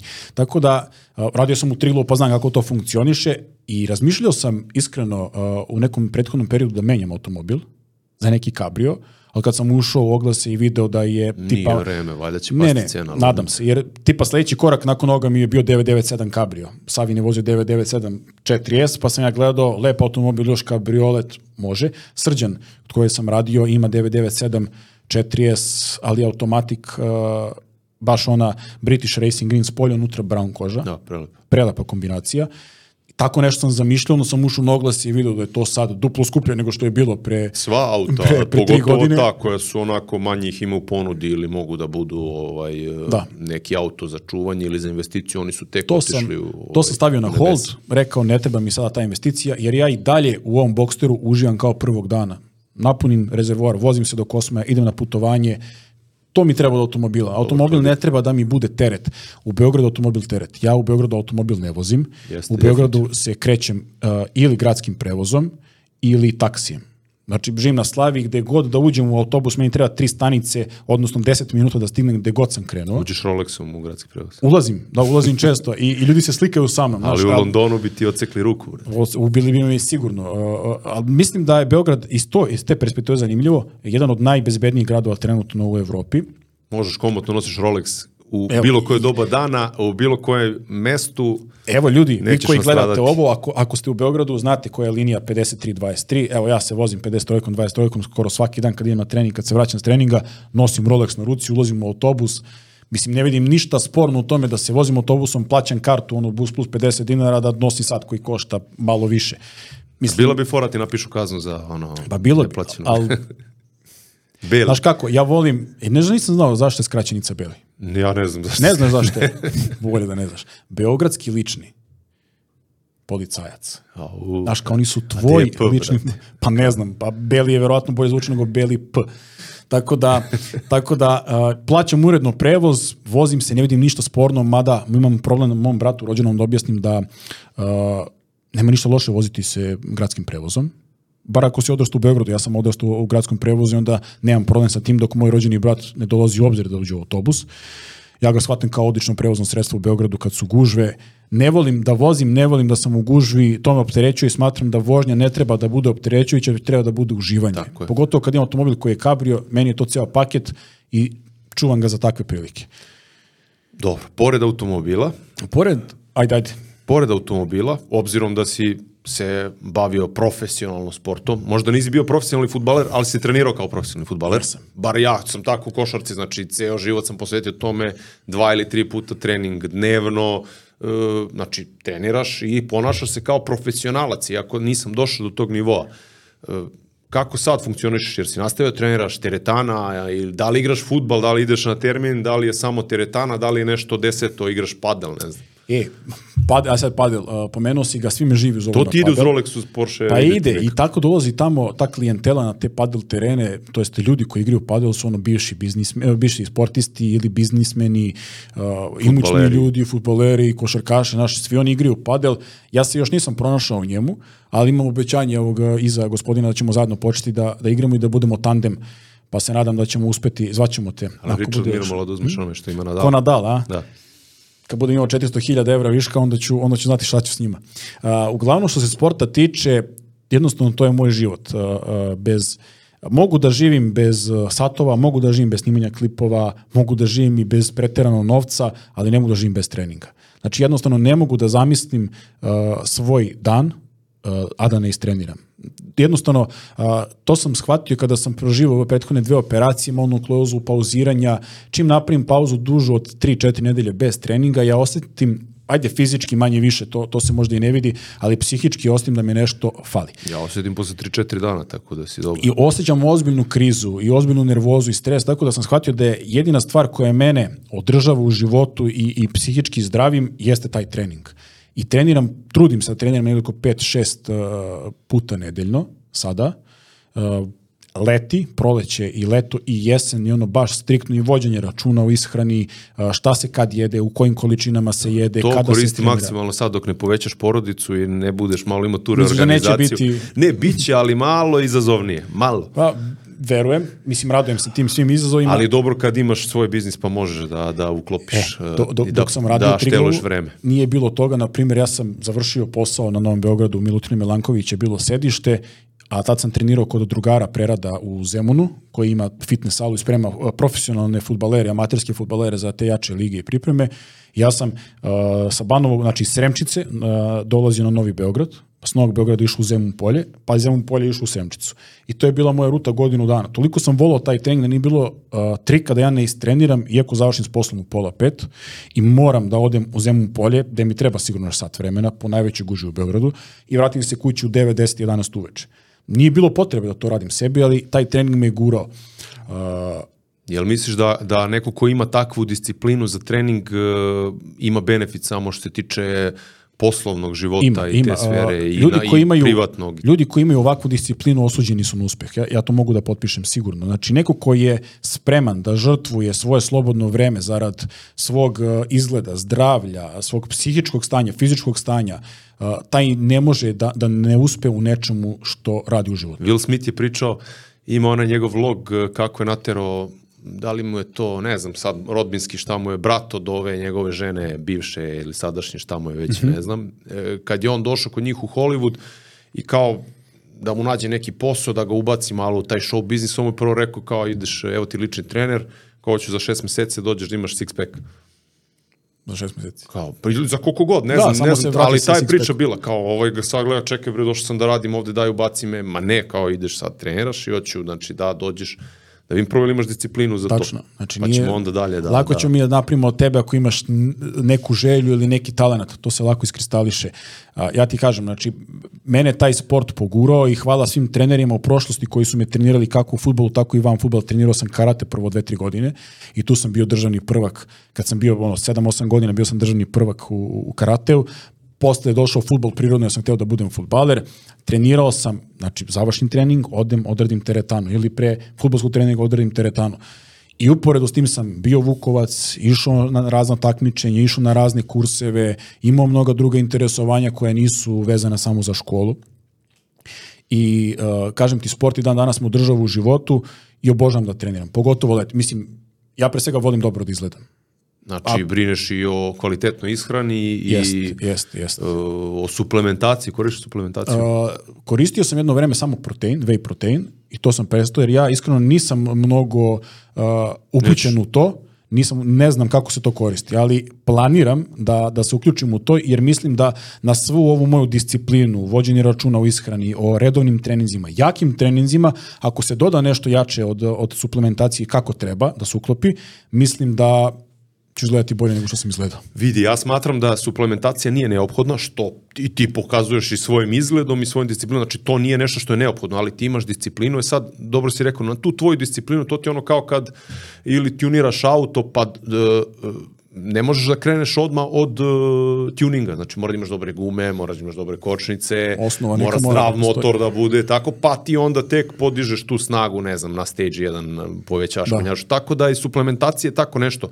To ti neće pomoći ako nemaš disciplinu, ako ne treniraš dobro, ako se ne hraniš zdravo, ali ako sve to imaš i dodaš još uh, nekih 15-20% benefita koje dobijaš uz uh, dodatan proteinski unos uz, ne znam, unos kreatina, da, pre-workout da. pre treninga, esencijalne kiseline, zavisi šta, šta hoćeš i kakav ti je plan sa treningom, onda, onda to daje benefit. Tako da, uh, spremio sam ti jedan poklon, znači to je mix Gymstera i Active Farme, uh, obzirom da, ne znam da li si pio kreatin. Nisam nikada. Spremio sam ti kreatin, vidiš ovde, i kreatin, i pre-workout, Wow. i kapu, imaš dve majice, imaš shaker, o, i tako da eto, možda kreneš od toga.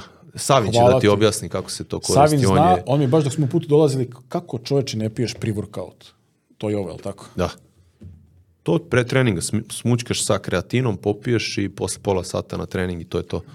Hvala ti puno. Pa mi reci efekte, baš je Hvala dobro ti što... puno, ti ne pružam desnu ruku evo, daleko je. ćemo ovo ovde. Može.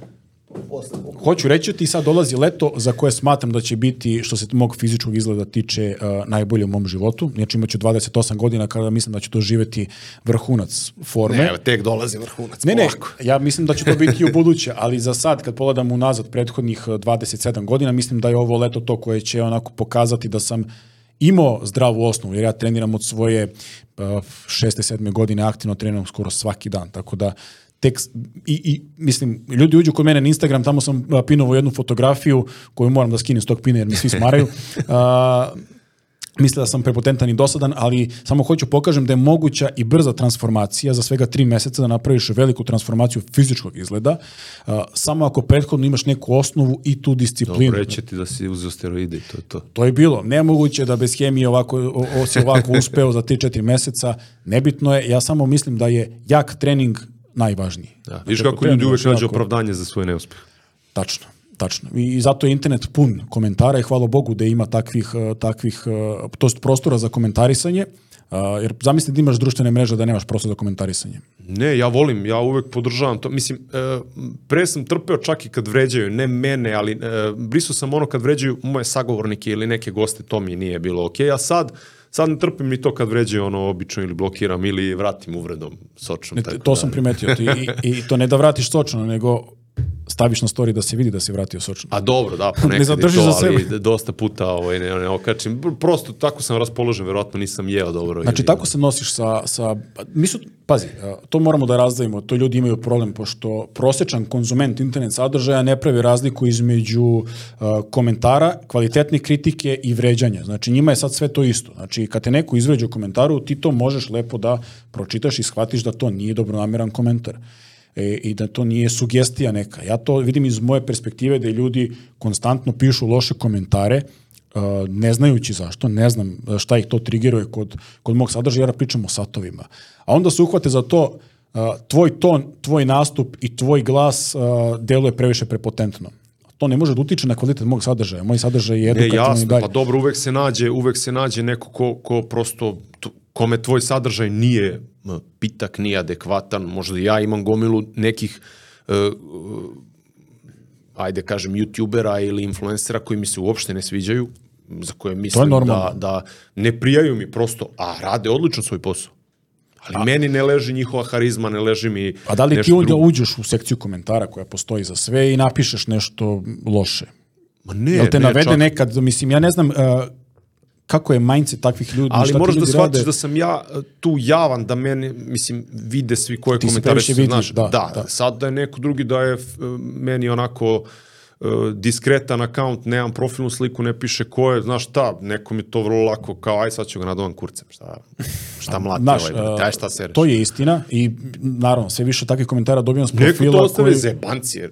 Po- Postoje ono od, od toga da stvarno neko nerviraš do trolova, ono, prate, kao, ostave totalnu nebulozu i onda se nakači tu gomila ljudi koji njemu piše nešto, onih na- naduvava redom je- i za, za animacija. na TikToku, malo pre smo pričali o tome. Ja ne znaš više objavim- ko je stvarno ozbiljan. Ono, Ne, ko je- ja, mislim, ja mislim da je ono takav neki začarani krug, ono je takva izmaštana stvarnost da ljudi ne znaju šta, šta pričaju. Koga boli ona stvar za satove. Na mom profilu koji se bavi satovima, svi komentari su ti. Svi. I ljudi se podržavaju međusobno, lajkuju, likuju. to je tamo revolucija u komentarima. Ja uđem tamo i gledam, rekao, kako je moguće uopšte da imam 20.000 pratilaca, a da me niko ne gotivi. Tako da taj, taj internet je koliko je dobar, toliko je loš, ali eh, da nema tog interneta ne bih radio ono što mi interesuje. Da, ali idemo sad i u krajnost, pa se tu uh, radi edukacija o cyberbullingu, što je super, do, do neke, s neke strane opet ne možeš uh, ne možeš se zaštititi od toga, moraš da, da se izložiš i tim stvarima, jer te to čeka u stvarnom životu, pre ili kasnije. Znaš, Tačno. doći ćeš, ako se ti uvek kriješ od tih negativnih komentara, uvek gledaš da, da skloniš, da ne vidiš, da da smanjiš, da ukineš, u jednom trenutku to ispliva negde. Znaš, možda nije na TikTok, možda nije ni na jednoj mreži, ono, isplivaće negde, uh, uživo će ti neko reći, ti nećeš znati kako da se... Da se uh, hendluješ tim. Da, da, pazi, se tim. Ljudi, ljudi koji su poput tebe i meni, koji su i disciplinovi, koji su borci i koji su svesni svojih vrednosti, mislim da mogu lako da hendluju takve stvari. Ali mi smo prošli to kroz, kroz osnovnu školu, kroz srednju školu, mislim sad se isto svašta dešava i priča se uh, i o nasilju i, u, i o problemima i treba da se priča, ali se odlazi u neku krajnost. Mi smo prošli te, te, da, da. te stvari mislim da je bilo čak mnogo lošije. E, opet ti si mlađi od mene, ja sam uhvatio taj period e, ono, ratnog stanja, ja sam tad išao u školu, pa izbeglice, pa odnos prema njima, pa prosto se nije pričalo o tome, ali de facto da su tu nastavnici profesori imali e, mnogo veći autoritet i mnogo su to danas bolje je... mogli da, da rešavaju nego što je danas. Danas su im vezane ruke, deci sve dozvoljeno i onda imamo taj problem da, da svako svako može da kaže šta misli. U, ne šta misli, ne, ne pričam šta misli, mhm. možda kaže uvredu, da ga, da. da ga ismeva, da ga maltretira i pogotovo grupa ljudi, a ti ne možeš da reaguješ na to. Profesor ne može da reaguje, ti ne možeš da, ono, neko dete, naš, fizički to reši, neko reši tako što se pouču sebe, Uh, bude depresivan. Jeste. Uh, Mislim, to je veliki je. problem, pogotovo našeg društva i nažalost svedoci smo da se svašta nešto izdešavalo prethodnih par godina kod nas, baš što je proizišlo iz takvih, takvih bulinga i nasilja na društvenim mrežama. Ja kad sam bio mlađi nisam imao internet, nisam mogao time da budem izložen i ne mogu ti kažem kako bi izgledalo da, da sam bio izložen sa 10 ili 12 godina takvim komentarima i sa osudom društva, razumeš? Tako da iz ove perspektive mogu mogu da ti kažem, lako se nosim tim, boli me ona stvar, odgovorim na komentar, obišem komentar, blokiram, jer moj profil, moja pravila i moja stvarnost ja mogu da je kreiram kako hoću, ali da sam bio mlađi, da sam tako nešto da, trpio, ne znam krenuo, kako krenuo, ono, već kao izrađena ličnost to sa, kažem. sa 20, koliko, 5 godina. Da, da sam krenuo to sa 13, 14, 15 godina, verovatno bih uh, obrisao nešto. Kao što mnogi youtuberi tako i krenu. Da. Pa onda da. uđu i prolaze pu, u pubertetu te stvari gde ono, su mnogo da. osjetljivije na taj problem. Ja sam napravio YouTube sa, znači 2020. ja sam imao 31 godinu. A ti si ne 31 godinu. To ti kažem, mislim, sa moj odnos šta god da mi napiše, ono, total. Imam, uh, samosvestan sam toliko, prosto znam uh, šta znam, šta ne znam, koliko vrednim, da li taj njihov komentar ima neku težinu i, i da li je to kritika i da li stvarno treba razmisliti o tim da. stvarima ili nema i tako da ovaj, tu, tu, nama je tu bilo lako, ali mnogima Jeste, tako da ne znam ili imaš neki savjet prosto za, za te mlađe koji kreću sa, sa tim um, nekako javnim životom. Ti kad kreneš snimaš za YouTube, kad snimaš svoj život, nekako si izložen, onda... Znaš kako, prvo da bi počeo neko da se, da se usudi da, da, da bude uh, izložen javnosti, mora da bude spreman, da bude javna ličnost i mora da bude svestan da će ga nešto, da ga tako nešto očekuje. Znači, ne možeš ti da uđeš u to uh, i da misliš da je sve šareno u ovom svetu, da je sve lepo. Znači, ako kreneš da snimaš za YouTube, moraš da budeš psihički dovoljno jak, iako će ovo, ljudima zvučati smešno i mislit će, vidi što ova dvojica kenjaju, ali uh, moraš da bude psihički jak da izneseš neke stvari. To su loši komentari, to su kritike, mene to uh, ne dotačinje i ako niste dovoljno spremni da se izlažete i da se svađate s drugim ljudima na kraju krava, ja se svađam u komentarima, znači dešava mi se da uh, da, da, da uđem u nepotrebnu prepirku na društvenim mrežama iza profila sat na ruci, ali jednostavno moram. Ako niste spremni za tako nešto, bavite se nekim drugim stvarima ili smanjite društvene mreže, ne znam. Ja bih najviše volao da, da da nemam društvene mreže, iskreno ti kažem. Znači, sad kako sam sve više u tome, ja sam 10 sati dnevno na telefonu i na kompjuteru, to je... Isto, da, mislim, razumem te tu potpunosti. Ja bih uh, najradije volao da nemam jednu društvenu mrežu, znam šta bih radio. Imam toliko interesovanja van, uh, van sfer interneta i satova, znači, ljudi možda pomisle da sam zaluđenih za satovi, da ništa drugo ne radim u životu. Imam toliko interesovanja i toliko znam šta bih radio i na što bih trošio pare, a da nisu satovi, tako da se radujem nekoj budućnosti ako je doživim i ti satovi, kažem, odu u neku drugu stranu da mogu da firmu oformim, da ona dovoljno zarađuje, da se ja bavim nekim drugim stvarima, znam šta bih radio.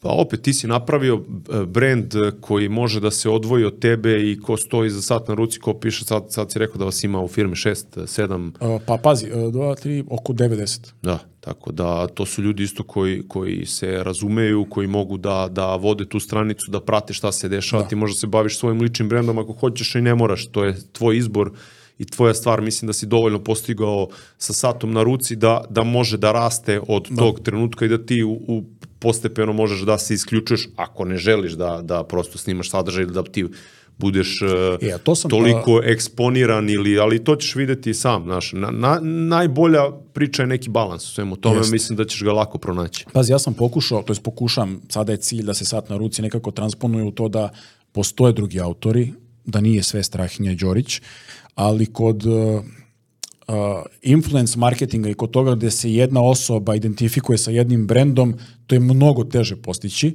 To ima, ima dobra ona ilustracija na, na, na internetu koja kaže uh, ovo je influence marketing, ne, ovo je kad imaš CEO kompanije. Skloniš CEO sa vrha kompanije uh, i ti dalje imaš neku strukturu koja funkcioniše. A influence marketing ti je obrnuto. Ako skloniš osnovu, a to je sam ja, Strahinja Đorić, u ovom trenutku ono će da se uruši cela.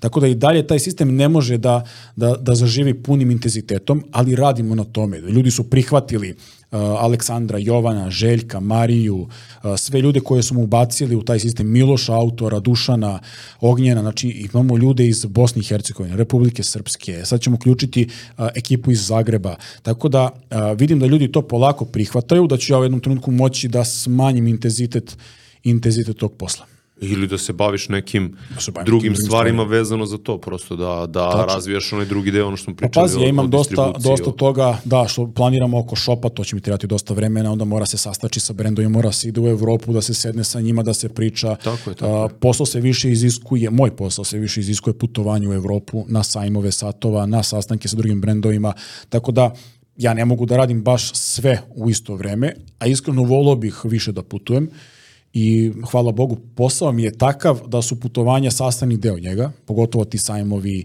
uh, putovanja sa brendovima, brendovi nas često pozivaju. destinacije. Mislim onako Just, na evropske gradove, Ne smem da se žalim, Ne smem da se žalim, lepo smo putovali prošle godine, mislim da sam obišao negde 11-12 evropskih gradova za, za 12 meseci, što ono, dolazimo do proseka od jednog putovanja mesečno. Uh, i sasvim sam zadovoljan. Mislim da će ove godine isto biti ta brojka, plus ćemo ubaciti, ja se nadam, Monako kao uh, kao prestonicu aukcije vintage satova. Ona se održava u aprilu i oktobru.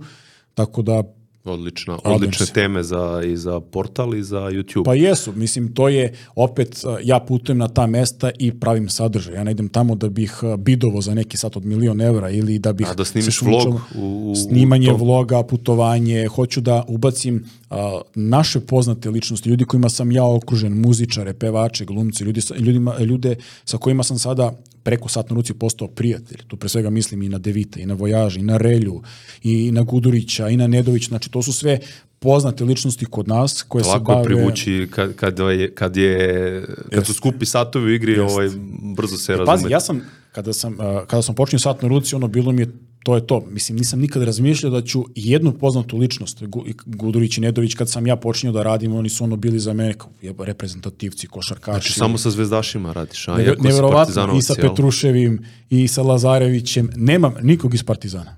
E, imam, lažem, imam bre ovoga... Nanelija, Nanelija, da, e, s Nanelijem sam dobar. Njega sam upoznao baš kod Devite kad smo bili na promociji, na promociji albuma njegovoj, njegovom i kažem ti, ja sam partizanovac, ali najviše sam okružen zvezdašima. Evo i ti si zvezdaš. Uh, I Gudurić i Nedović su uh, vaši, što bi se rekao. se druži, znate šta ti je. Da, pa, mi, pa da bre, pa mi nemamo nijednog našeg tamo, znaš.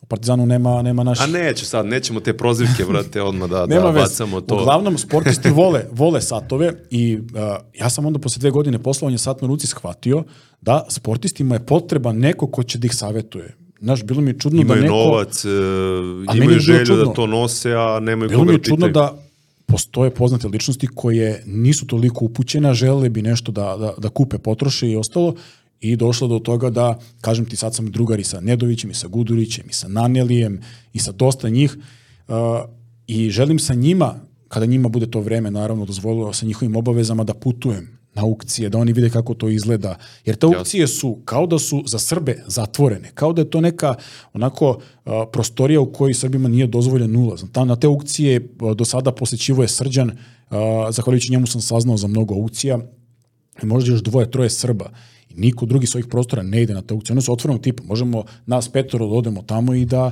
i da uđemo i da gledamo aukcije. Ne moramo da kupujemo ništa. Znači, hoću sa njima da krenem da putujem. Onda ćemo zajedno da snimamo vlogove. To će biti ljudima interesantno da gledaju kako se mi ponašamo u nekom, za nas možda neprirodnom okruženju. Ipak Monako je prestonica luksuza, novca, ozbiljnih satova. Tamo se prodaju satovi u vrednosti od 50 do 100 miliona evra na toj aukciji, to je ozbiljan novac. Tako da želim to da donesem našim ljudima, da oni vide da to nije ništa strašno, da mogu da otputuju, da mogu da odu na aukciju, da možda kupe neki sat. Takođe, iako sam rekao da su to satovi koji su veoma skupi, ti na aukcijama možeš da kupiš Rolex Datejust za 7-8 hiljada evra, što je duplo manje nego Da. na tržištu. Tako da, radujem se putovanjima i radujem se onome što je, što je meni posao uspio da donese. Zahvalan sam mu, ali mislim da budućnost je tek predamnom. Dobro. I Ćemo završimo sad ovaj podcast sa malo pričamo o satovima, bilo bi logično. Može, može, izvoli. Nisam hteo da, da, to, da to bude cela priča ovog podcasta, ali hoću da te pitam par stvari i da popričamo i, o- i o nekim brendovima i o, o ovaj, celoj toj industriji. Reci mi, što se tiče proizvodnje satova, tu je pravi još neko dobre satove osim švajcaraca i japanaca? Uh, prave uh, kinezi. Dobro, kinezi. Znači, koji, su, smo- koji, je, koji je kineski brend neki? ili ih ima kod nas uopšte? Pagani, Pagani uh, San Martin, to su brendovi koji su se Eto, nisam čuo. E, e, San Martin je ono izvorni kineski brend, znači baš ga prave kinezi, dostupan je online, tipa na AliExpressu i Alibabi, nemaju prodavnicu, ali su toliko uh, rasprostranjeni u posljednjih godinu dana, toliko satova prodaju u posljednjih godinu dana da je to nenormalno. I sada trenutno svetu satova, baš snimamo podcast sad na tu temu, uh, preti nova kriza. Znači svet satova imao, imao je krizu 70. godina prošlog veka kada je Seiko 69 izbacio Astron, uh, prvi kvarcni sat. Znači prvi sat sa baterijom proizveden je tek 1969. godine. Pre toga su satovi bili pokretani od strane mehanizama, automatskih, odnosno da. I e, čitavih 70. godina a, je išla ta kriza jer su odjednom satovi sada mogli da se proizvedu prave. tačno, za mnogo manje novca, a prodaju se za mnogo manje novca. Da. I tada je jedno 60% švajcarske kompanija propalo, nestalo. 60% uh, ljudi zaposlenih u toj industriji dobilo Nisu otkaz. hteli da, da, da nisu hteli da se kvarcni, prilagode, nisu stigli da se prilagode. nisu mogli da naprave jeftini sat. Nisu mogli i švajcarci jednostavno ne mogu da priušte sebi uh, toliko jeftinu radnu snagu kao što mogu uh, Azijati. Da. Došlo do te krize. Sada smo na pomolu nove krize koju donose opet Azijati, ovog puta Kinezi, ne Japanci, jer proizvedu ono što meni, moj Tissot, može da ponudi za nekih uh, 1000 evra, to Japanac napravi za 50 evra. Da. I proti ga za 60.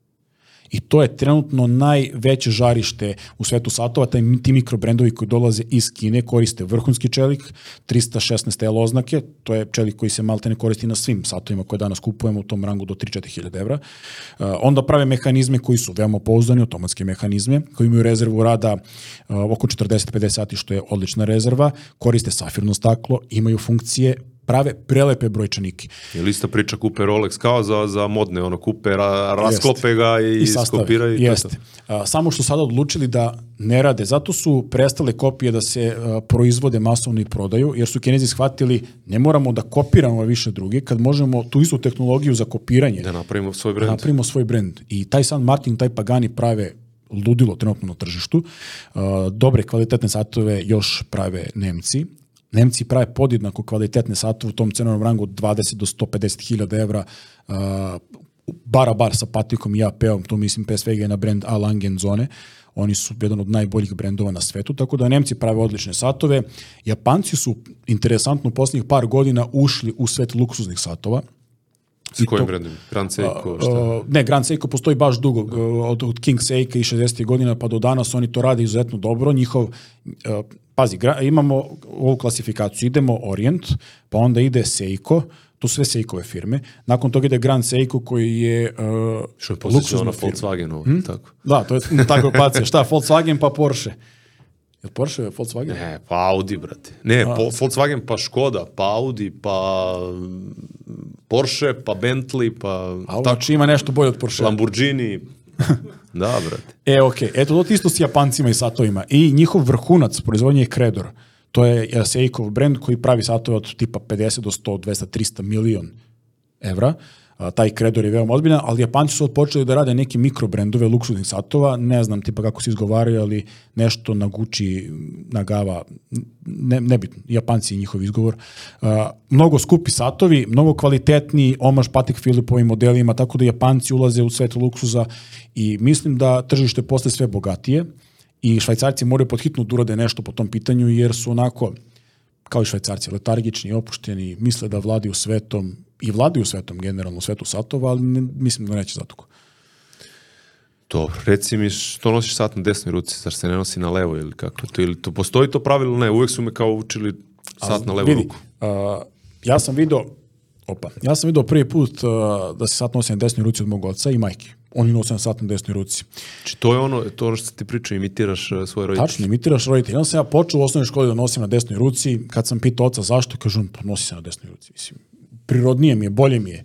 Uh, pritom da nismo levoruci, znači ja se bolje služim desnom rukom, uh, ali opet ne nalazim se u toku dana u nekim zahtevnim situacijama kada udaram sat, kada pišem. Znači jednostavno, iako mi je ovo dominantnija ruka, ne Misliš koristim da je je to dovoljno... bilo pravilo za, da Jeste, koristiš jeste. na levo zato što je manje, Da, nosiš manje na levo zato što je manje verovatnoća da ga oštetiš, Tačno, manje... tačno. Uh, I uh, zato što se krunica nalazila na levoj strani, zbog uh, rekao sam ti 69. godine tek nastao prvi sat kojim nije bilo potrebno da se navija da bi se nosio. Sad taj tvoj sat i moj sat moraju da se naviju. Uh, Ali ga ti navijaš u ruci, nećeš ga navijati na, da, dok ali, je na, na ali na početku, znači prvi automatski mehanizam se pojavio 30. godina prošlog veka, a 50 godina pre toga su se proizvodili ručni satovi sa, sa mehanizmom naručno navijanje. Da, da. Ti mehanizmi, prvobitni mehanički mehanizmi su imali rezervu rada od 2-3 sata. Sad zamisli ti da ne- nosiš sat i moraš da ga naviš na svaka 2 sata. Da, što je logično onda da ti bude na levoj. Većina stanovništva je bila desnoruka, to su ljudi bili svesni ono, vekovim, stotinama godina unazad. Stavili su krunicu na levu stranu, da bi ti bilo prirodnije da nosiš da ga navijaš na sat vremena i ostalo je negde u podsvesti s kolena na koleno se sat nosi na levoj ruci, zato što je to pravilo. Nije pravilo, nekad je Dobro, imalo eto, sad smisla. smo- sad smo ispričali. Sad smo, nadam se, da smo to rešili. Ja ga nosim na desnoj jer ovaj sat nema potrebe da navijam, non stop je navijen.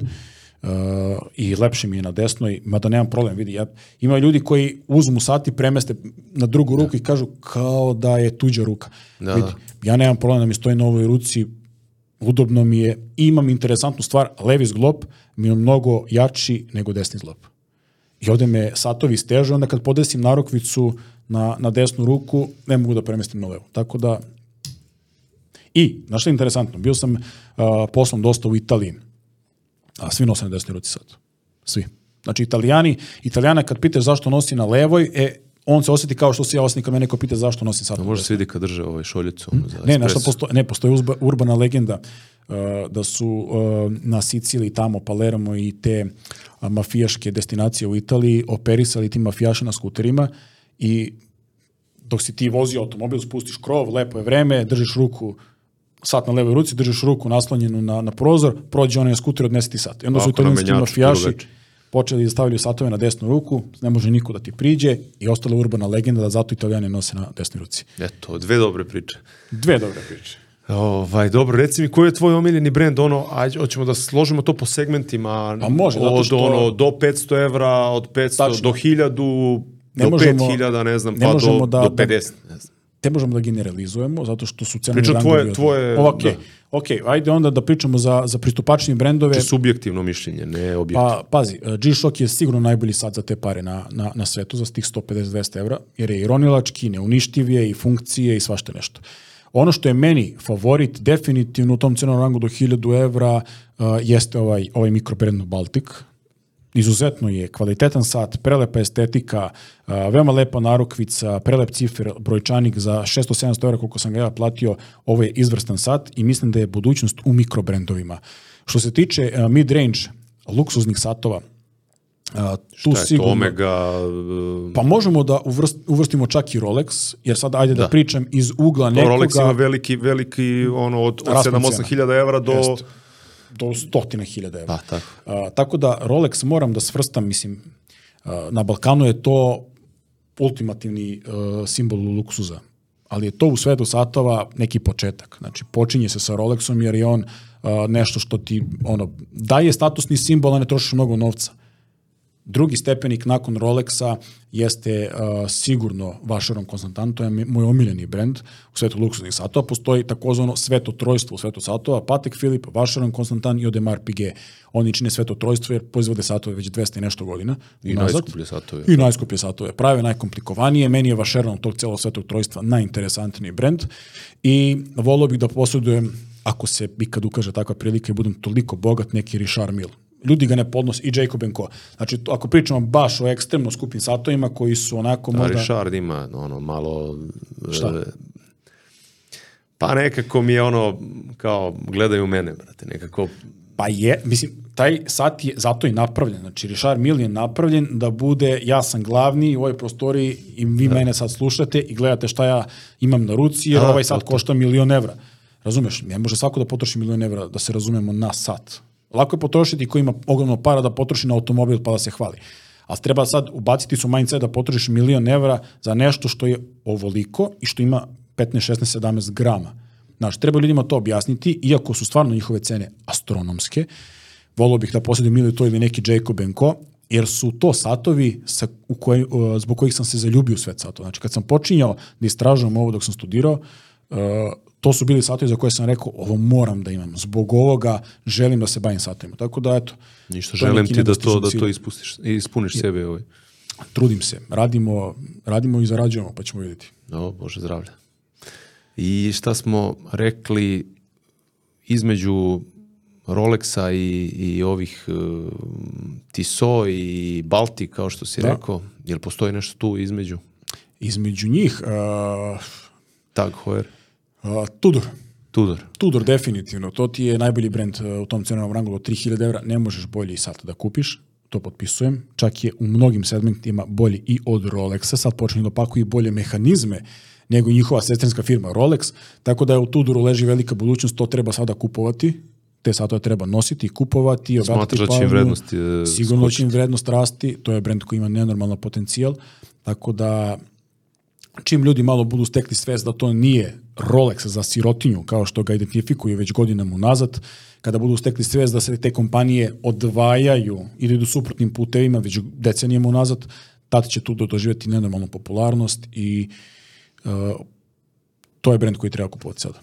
A da li misliš da ovo što radi Rolex sad, mislim, pričamo kod nas, vjerovatno je to situacija u svetu da uh, ne vode računa kome prodaju satove, da neki ljudi koji možda onako su, pojave se tu u show biznisu, možda nisu ni pravi, e, pa pravi ljudi za taj brand, pričam ti konkretno i kod nas, pričali smo i to privatno, pa ono, ko, kako neke starlete ono svakog, svakog meseca kupe novi Rolex do, koji neki ljudi koji su zaljubljenici čekaju možda čekaju. godinama ili ne mogu da, da pri, ne, ne, ne mogu da priušte, mogu da priušte, ali ne mogu da dođu od tog sata zato što ljudi koji, koji prodaju te satove, koji uze te satove uh, nemaju sluha za, da. mislim uh, mi imamo taj problem da opet živimo uh, na području koje je veoma malo I mi znamo, svi znamo svakoga, upoznati smo sa svim i evo sad ti znaš ko kupuje u, Rolexu u Beogradu te satove kojeg dobija preko ja znam jer mi ti ljudi, ti ljudi svi šalju, hvale se, sve to super.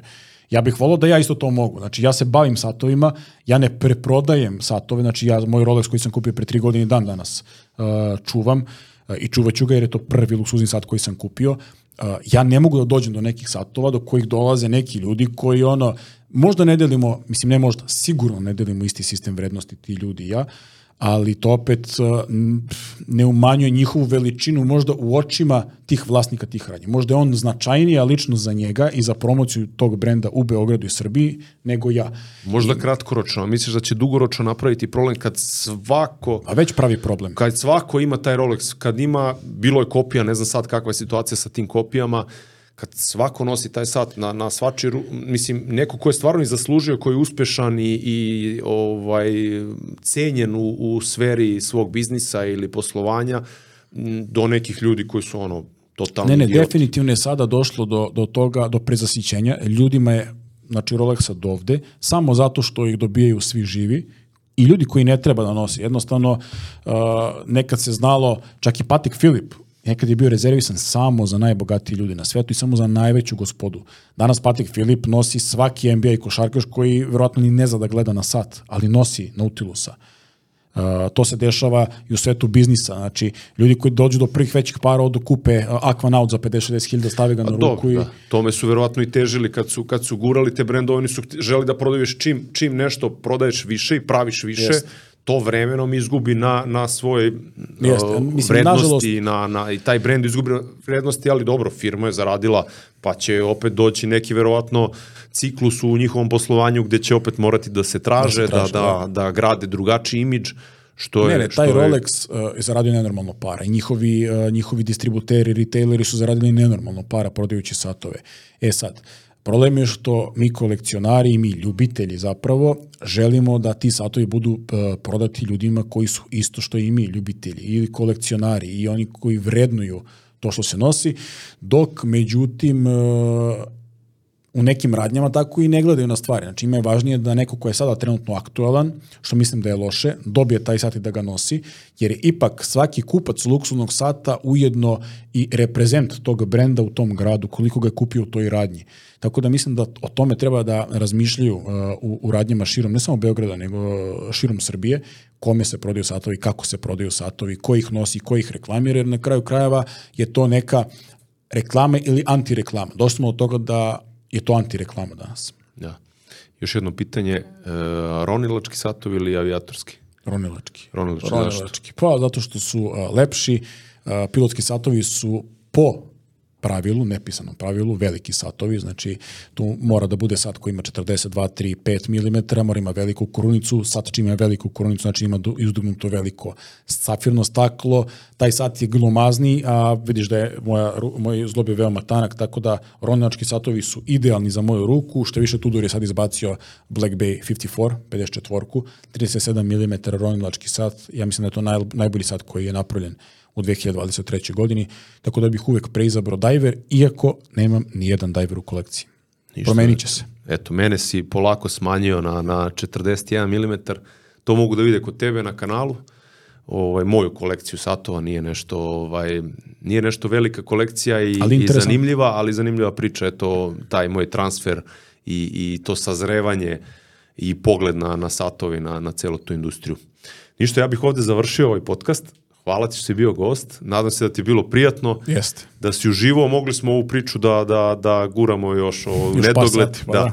Ali što da ne, doći ćeš još, još koji put pa ćemo pričati i o nekim drugim temama. Hoću, hvala tebi na pozivu, kao što sam rekao na početku, puno sreće ti želim i da uživaš u, u snimanju podcasta, ide ti odlično, uh, meni je bilo prijatno, bilo je prijatno ljudima koji su bili ovde, vidim osmehe, tako da uh, sve najbolje i da se rukujemo desnom rukom. Hvala ti, brate. To je to, dobri moji. E, nadam se da vam se svidela ova priča. Ostavite komentar, napišite vam kako vi vidite ovaj podcast, kako vam se svidelo ovaj strahinjo gostovanje i ova naša priča. I vidimo se u epizodi broj 2. Sve najbolje. Ćao.